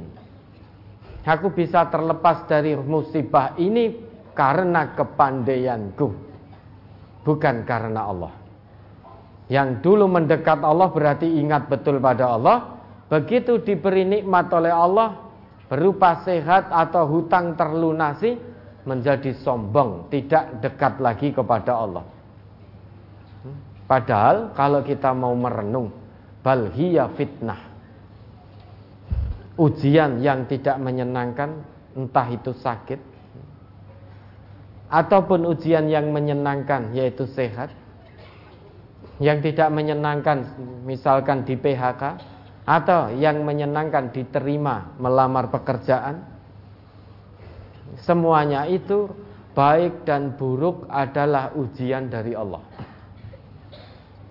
Walakinna aksarohum la ya'lamun Tetapi kebanyakan manusia tidak mengetahui. Dia merasa yang namanya ujian ini sesuatu hal yang tidak menyenangkan saja Nikmat itu juga ujian Ujian kenikmatan Lantas kita jangan milih Ya Allah kalau begitu uji saya dengan kenikmatan ya Allah Uji saya dengan kekayaan ya Allah. Uji saya dengan pangkat dan jabatan ya Allah. Insya Allah saya lulus ya Allah. Siapa bilang? Sa'labah saja nggak lulus loh. Sa'labah itu ngaji bersama Nabi loh. Gurunya langsung Nabi. Tapi diuji dengan kekayaan tidak lulus. Berantakan imannya sudah. Maka terima apa pun ujian dari Allah karena wallahu ya'lamu wa antum la ta'lamun Allah yang Maha mengetahui, kamu yang tidak tahu apa-apa hei manusia, ojo sok mudeng. Jangan sok tahu. Jangan meminta apa-apa kepada Allah hakikat yang kita tidak tahu. Nabi Nuh saja ditegur oleh Allah saat meminta anaknya untuk diselamatkan Maka kita jangan minta pada Allah hakikat sesuatu yang kita tidak tahu. Kita minta diuji dengan kenikmatan berarti kita meminta melampaui batas. Mendikte Allah. Kalau ujian yang datang berupa kenikmatan, senjatanya syukur. Ujian berupa yang tidak menyenangkan, marah bahaya dan lain sebagainya, senjatanya sabar.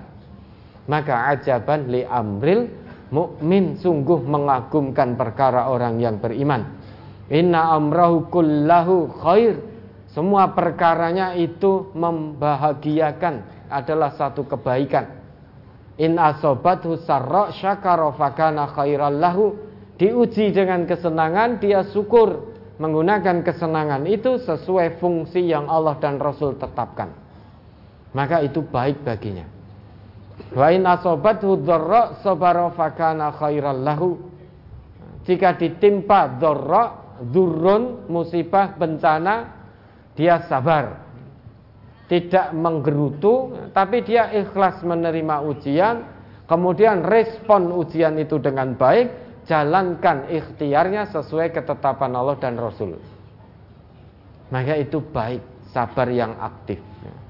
Baik bagi seorang hamba hamba yang beriman.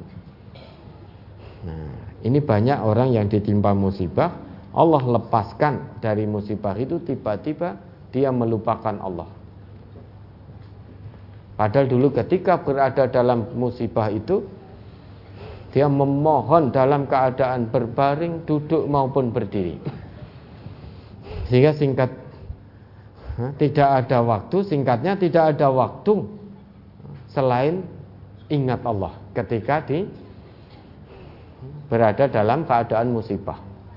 Tapi begitu dilepaskan menjadi sombong, melupakan Allah, seolah-olah dulu tidak pernah munajat kepada Allah. Seakan-akan tidak pernah bersimpuh kepada Allah, nangis mohon agar dilepaskan dari musibahnya. Ini ciri orang yang tidak ada iman atau imannya kadib. Maka perintah Allah berimanlah kepada Allah secara kafah. Karena ada sebagian manusia beriman kepada Allah, beribadah kepada Allah itu ada di tepian, tidak kafah. Wa minan nas may ya'budullah ala harf. Ya, nanti bisa dibuka itu Al-Hajj ayat 11 atau berapa itu, lupa saya. Wa minan nas may ya'budullah ala harf. Di antara manusia ada yang menyembah Allah berada di tepian, tidak cong. Tandanya in asabathu khairunit ma'an nabi. Jika dia diuji dengan kesenangan, maka hatinya akan tenang, ingat Allah. Tetapi diuji sebaliknya, wa in asabathu fitnatun qalaba ala wajhi kalau diuji dengan hal-hal yang tidak menyenangkan, tiba-tiba dia berbalik arah dari mengingat Allah menjadi melupakan Allah. Ini orang yang menyembah Allah setengah-setengah, tidak cong, minggring-minggring. Ingatnya Allah kalau pas seneng tok. Kalau pas susah tidak ingat Allah. Atau sebaliknya, ingatnya Allah kalau pas susah tok. Kalau pas senang melupakan Allah. Kedua golongan dari manusia ini hasilnya sama, khasirat dunya wal akhirah. Dzalika huwal khusranul mubin. Rugi dunia, rugi akhirat. Itulah kerugian yang nyata. Ya, mudah-mudahan ini bisa menjawab. Sebenarnya ada lagi ya, dalam Quran surat Hud ayat 9 sampai 11 itu nanti panjenengan buka sendiri dipahami.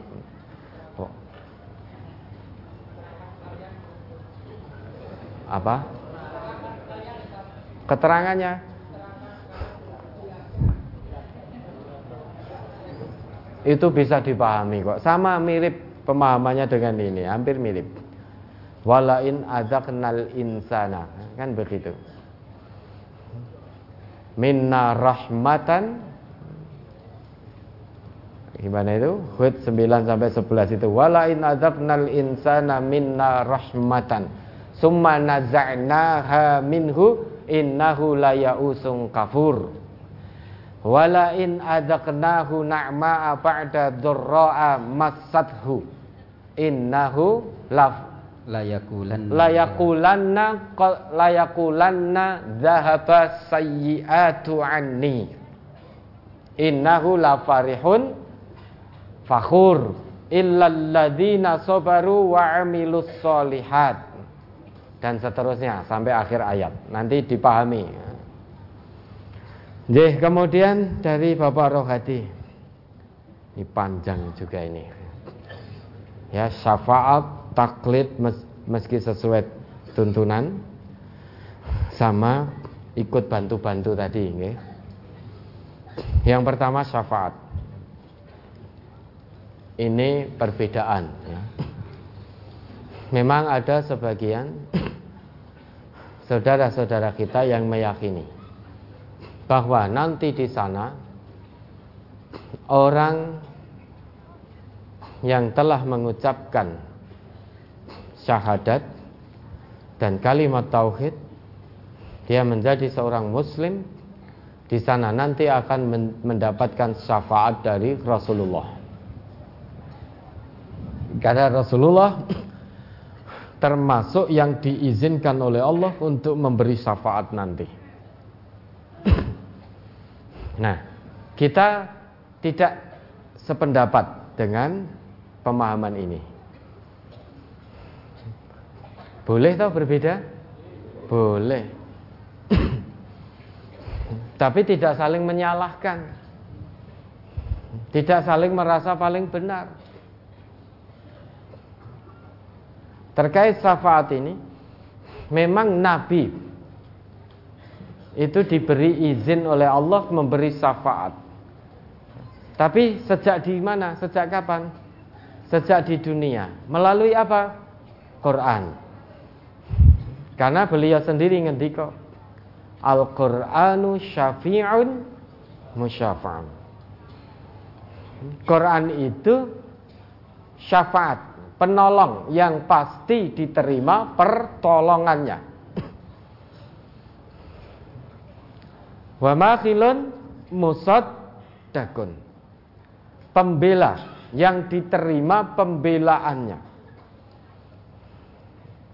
Itu kata Nabi. Man ja'alahu amamahu qadahu ilal jannah.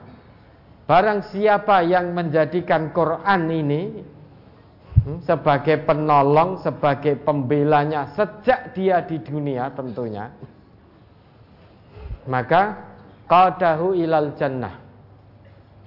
Quran akan menuntunnya menuju surga. Waman ja'alahu wara'ahu saqahu ilan nar.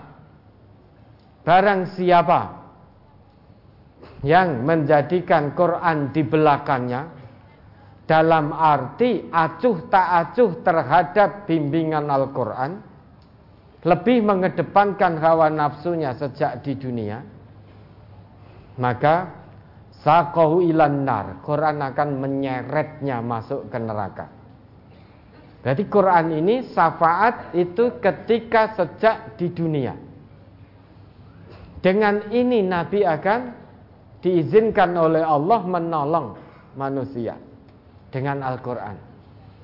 Karena sifat Quran itu salah satunya yahdi lillati hiya.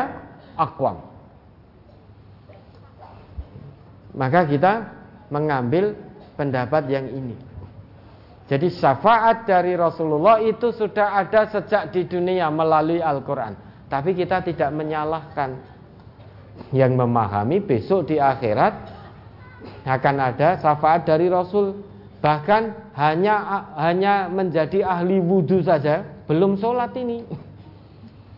Ada yang mengatakan nanti akan mendapat syafaat dari Nabi giliran paling akhir. Dicari. Mukanya cemlorot di neraka.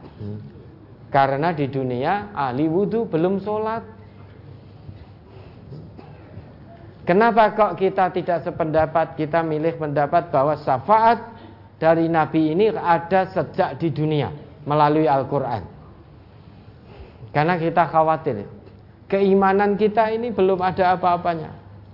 Wong kita juga masih suka maksiat. Jangan sampai kemudian kita menjadi tasahul gampang dalam beribadah dalam melaksanakan perintah-perintah Allah, perintah Rasulullah. Sialah sholat waktu wes nanti sajalah ditunda-tunda. Nanti di sana dapat syafaat. Itu namanya tasahul, gampang Kita takut, kita khawatir kalau sampai gampang Maka bagaimana kita bersungguh-sungguh sejak di dunia. Mujahadah, taat ibadah pada Allah dan Rasulullah mentaati Rasul itu sejak di dunia. Karena kalau nanti sampai di sana ternyata syafaat itu berlaku sejak di dunia, di sana sudah tidak ada, maka ya alhamdulillah mudah-mudahan kesungguhan kita, mujahadah kita sejak di dunia dinilai oleh Allah. Meskipun di sana tidak ada syafaat, maka insya Allah selama kita dalam ketundukan dan kepatuhan pada Allah dan Rasul dalam kehidupan dunia ini, ikhlas lillahi ta'ala, maka dijanjikan oleh Allah mendapatkan ampunan dan ridhonya. Tapi kalau kita setengah-setengah sejak di dunia, ora tenanan, ongkang-ongkang kaki, nanti di sana ada syafaat. Kemudian kita setengah-setengah mujahadah kita, tidak sungguh-sungguh betul dalam ketaatan kepada Allah, ternyata di sana tidak ada nanti. Maka kita akan jadi orang yang rugi mengharapkan syafaat dari Nabi ternyata Allah izinkan Nabi memberi syafaat itu ternyata sejak di dunia melalui Al-Quran. Maka kalau sampai tidak ada syafaat di sana, kita akan rugi. Makanya kita bersungguh-sungguh sejak di dunia mengikuti Al-Quran ini. Ingat, Wa man ja'alahu amamahu qadahu ilal jannah. Akan sampai menuju surganya Allah dengan mengikuti Al-Qur'an. Sejak kapan? Sejak di dunia. Karena di akhirat sudah tidak ada amal lagi, adanya perhitungan amal.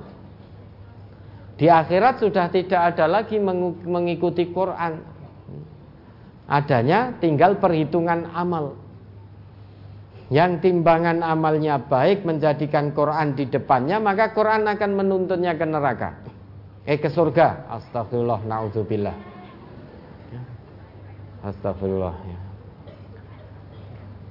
Yang mengikuti Quran sejak di dunia, maka di akhirat nanti Quran akan menuntunnya ke surga.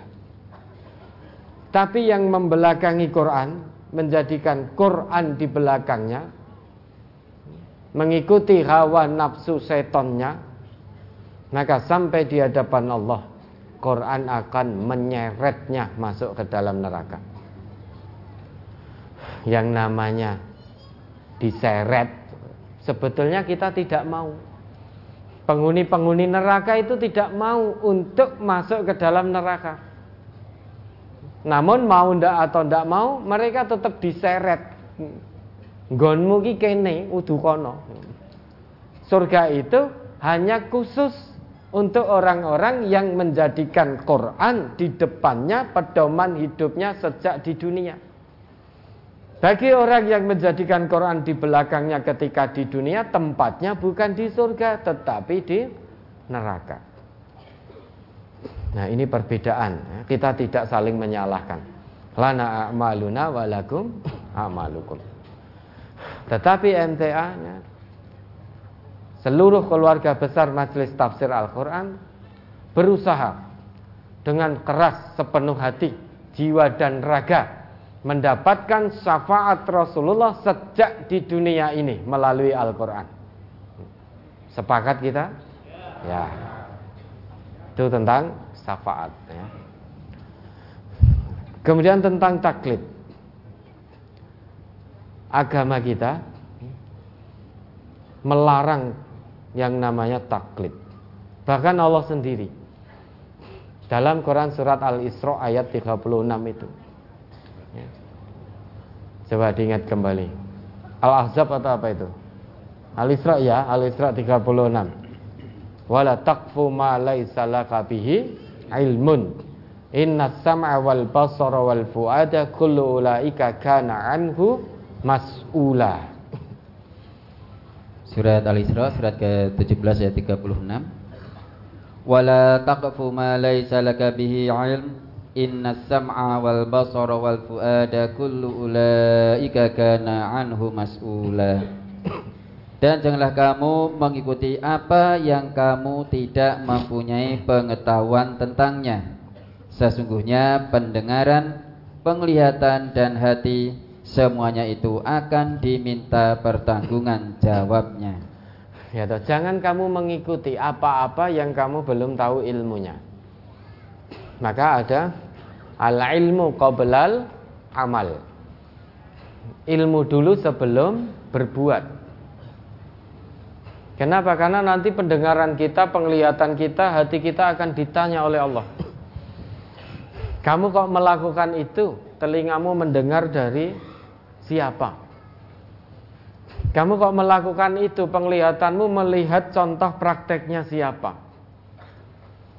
Kamu kok mengikuti itu? Hatimu condong kepada siapa? Semuanya ada pertanggungjawaban di hadapan Allah. Maka biar kita selamat di hadapan Allah dalam mempertanggungjawabkan pendengaran, penglihatan dan hati ini, maka yang kita lihat apa yang diwariskan oleh Nabi kita yaitu Quran dan Sunnah. Itulah pentingnya ngaji Quran, ngaji Sunnah. Sehingga tidak hanya sebatas kila wakola katanya dan katanya. Tidak hanya sebatas mengikut. Bahkan masalah yang sangat prinsip yaitu tentang sholat biar tidak taklid Nabi kita perintahkan agar umatnya yaitu umat Islam mengajari anak-anaknya tentang sholat sejak usia berapa? Tujuh tahun. Muru auladakum bis salati wahum ab, wahum abna'u sab'i sinin. Wahum abna'u sab' ya.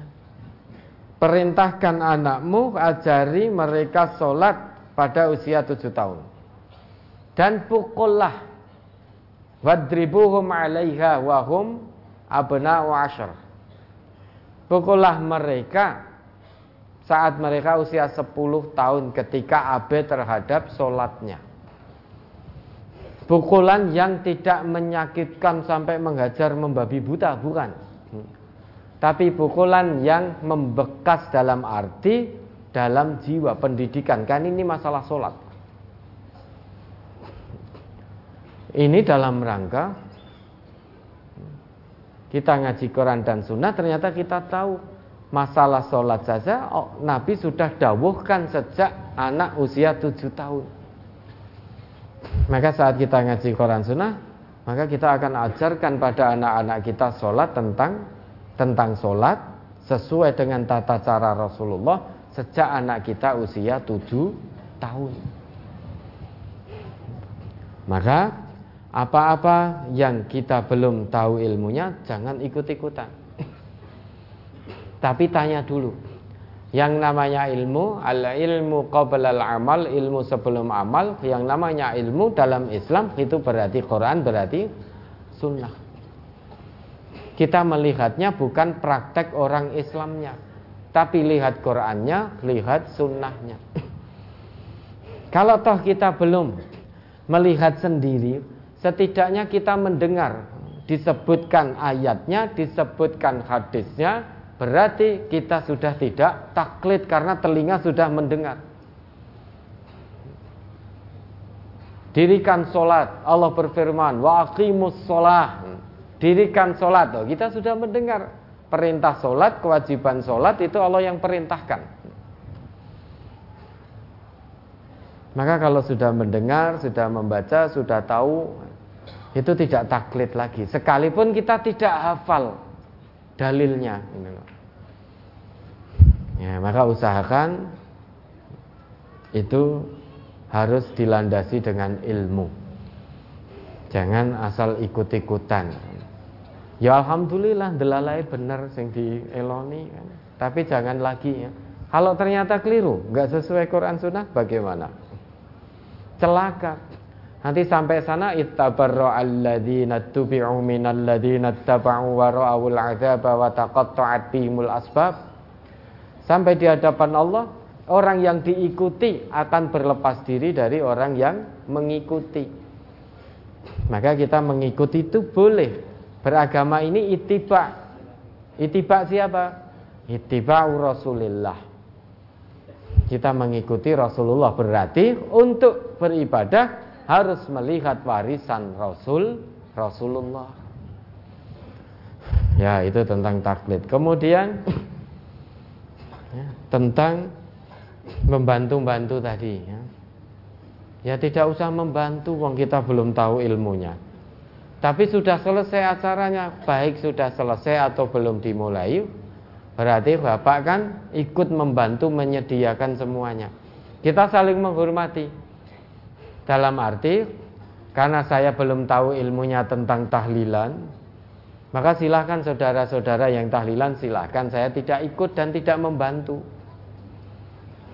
Saudara-saudara kita yang meyakini tahlilan karena sudah punya ilmunya husnudon kita, ya sudah silahkan. Tetapi sebagai bentuk saling menghormati, jangan paksa saya untuk ikut hadir atau untuk ikut membantu.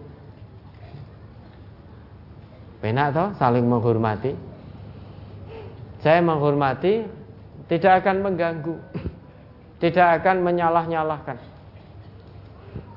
Semuanya akan bertanggung jawab sendiri-sendiri di hadapan Allah nanti. Tapi kalau panjenengan juga menghormati saya yang bodoh ini belum tahu ilmu tentang tahlilan, maka jangan paksa saya untuk tahlilan. Jangan paksa saya untuk bantu nyepak-nyepak kita, kita saling menghormati. Karena saya berpegang pada prinsip prinsip agama yang Allah sebutkan Al-Isra 36. Lah, jenengan yang melakukan tahlilan husnudon kita sudah ada ilmu tentang tahlilan. Maka semuanya pegang pada prinsip masing-masing. Tidak saling memaksakan, tidak saling menyalahkan. Kalau Bapak ini keluarga besar Majelis Tafsir Al-Quran, maka keluarga besar Majelis Tafsir Al-Quran di mana pun berada tidak dibenarkan untuk mengikuti tahlilan. Kenapa? Karena kebodohan kita yang belum tahu ilmu tentang itu. Bisa dipahami ya? Ya, sudah. Terus sudah.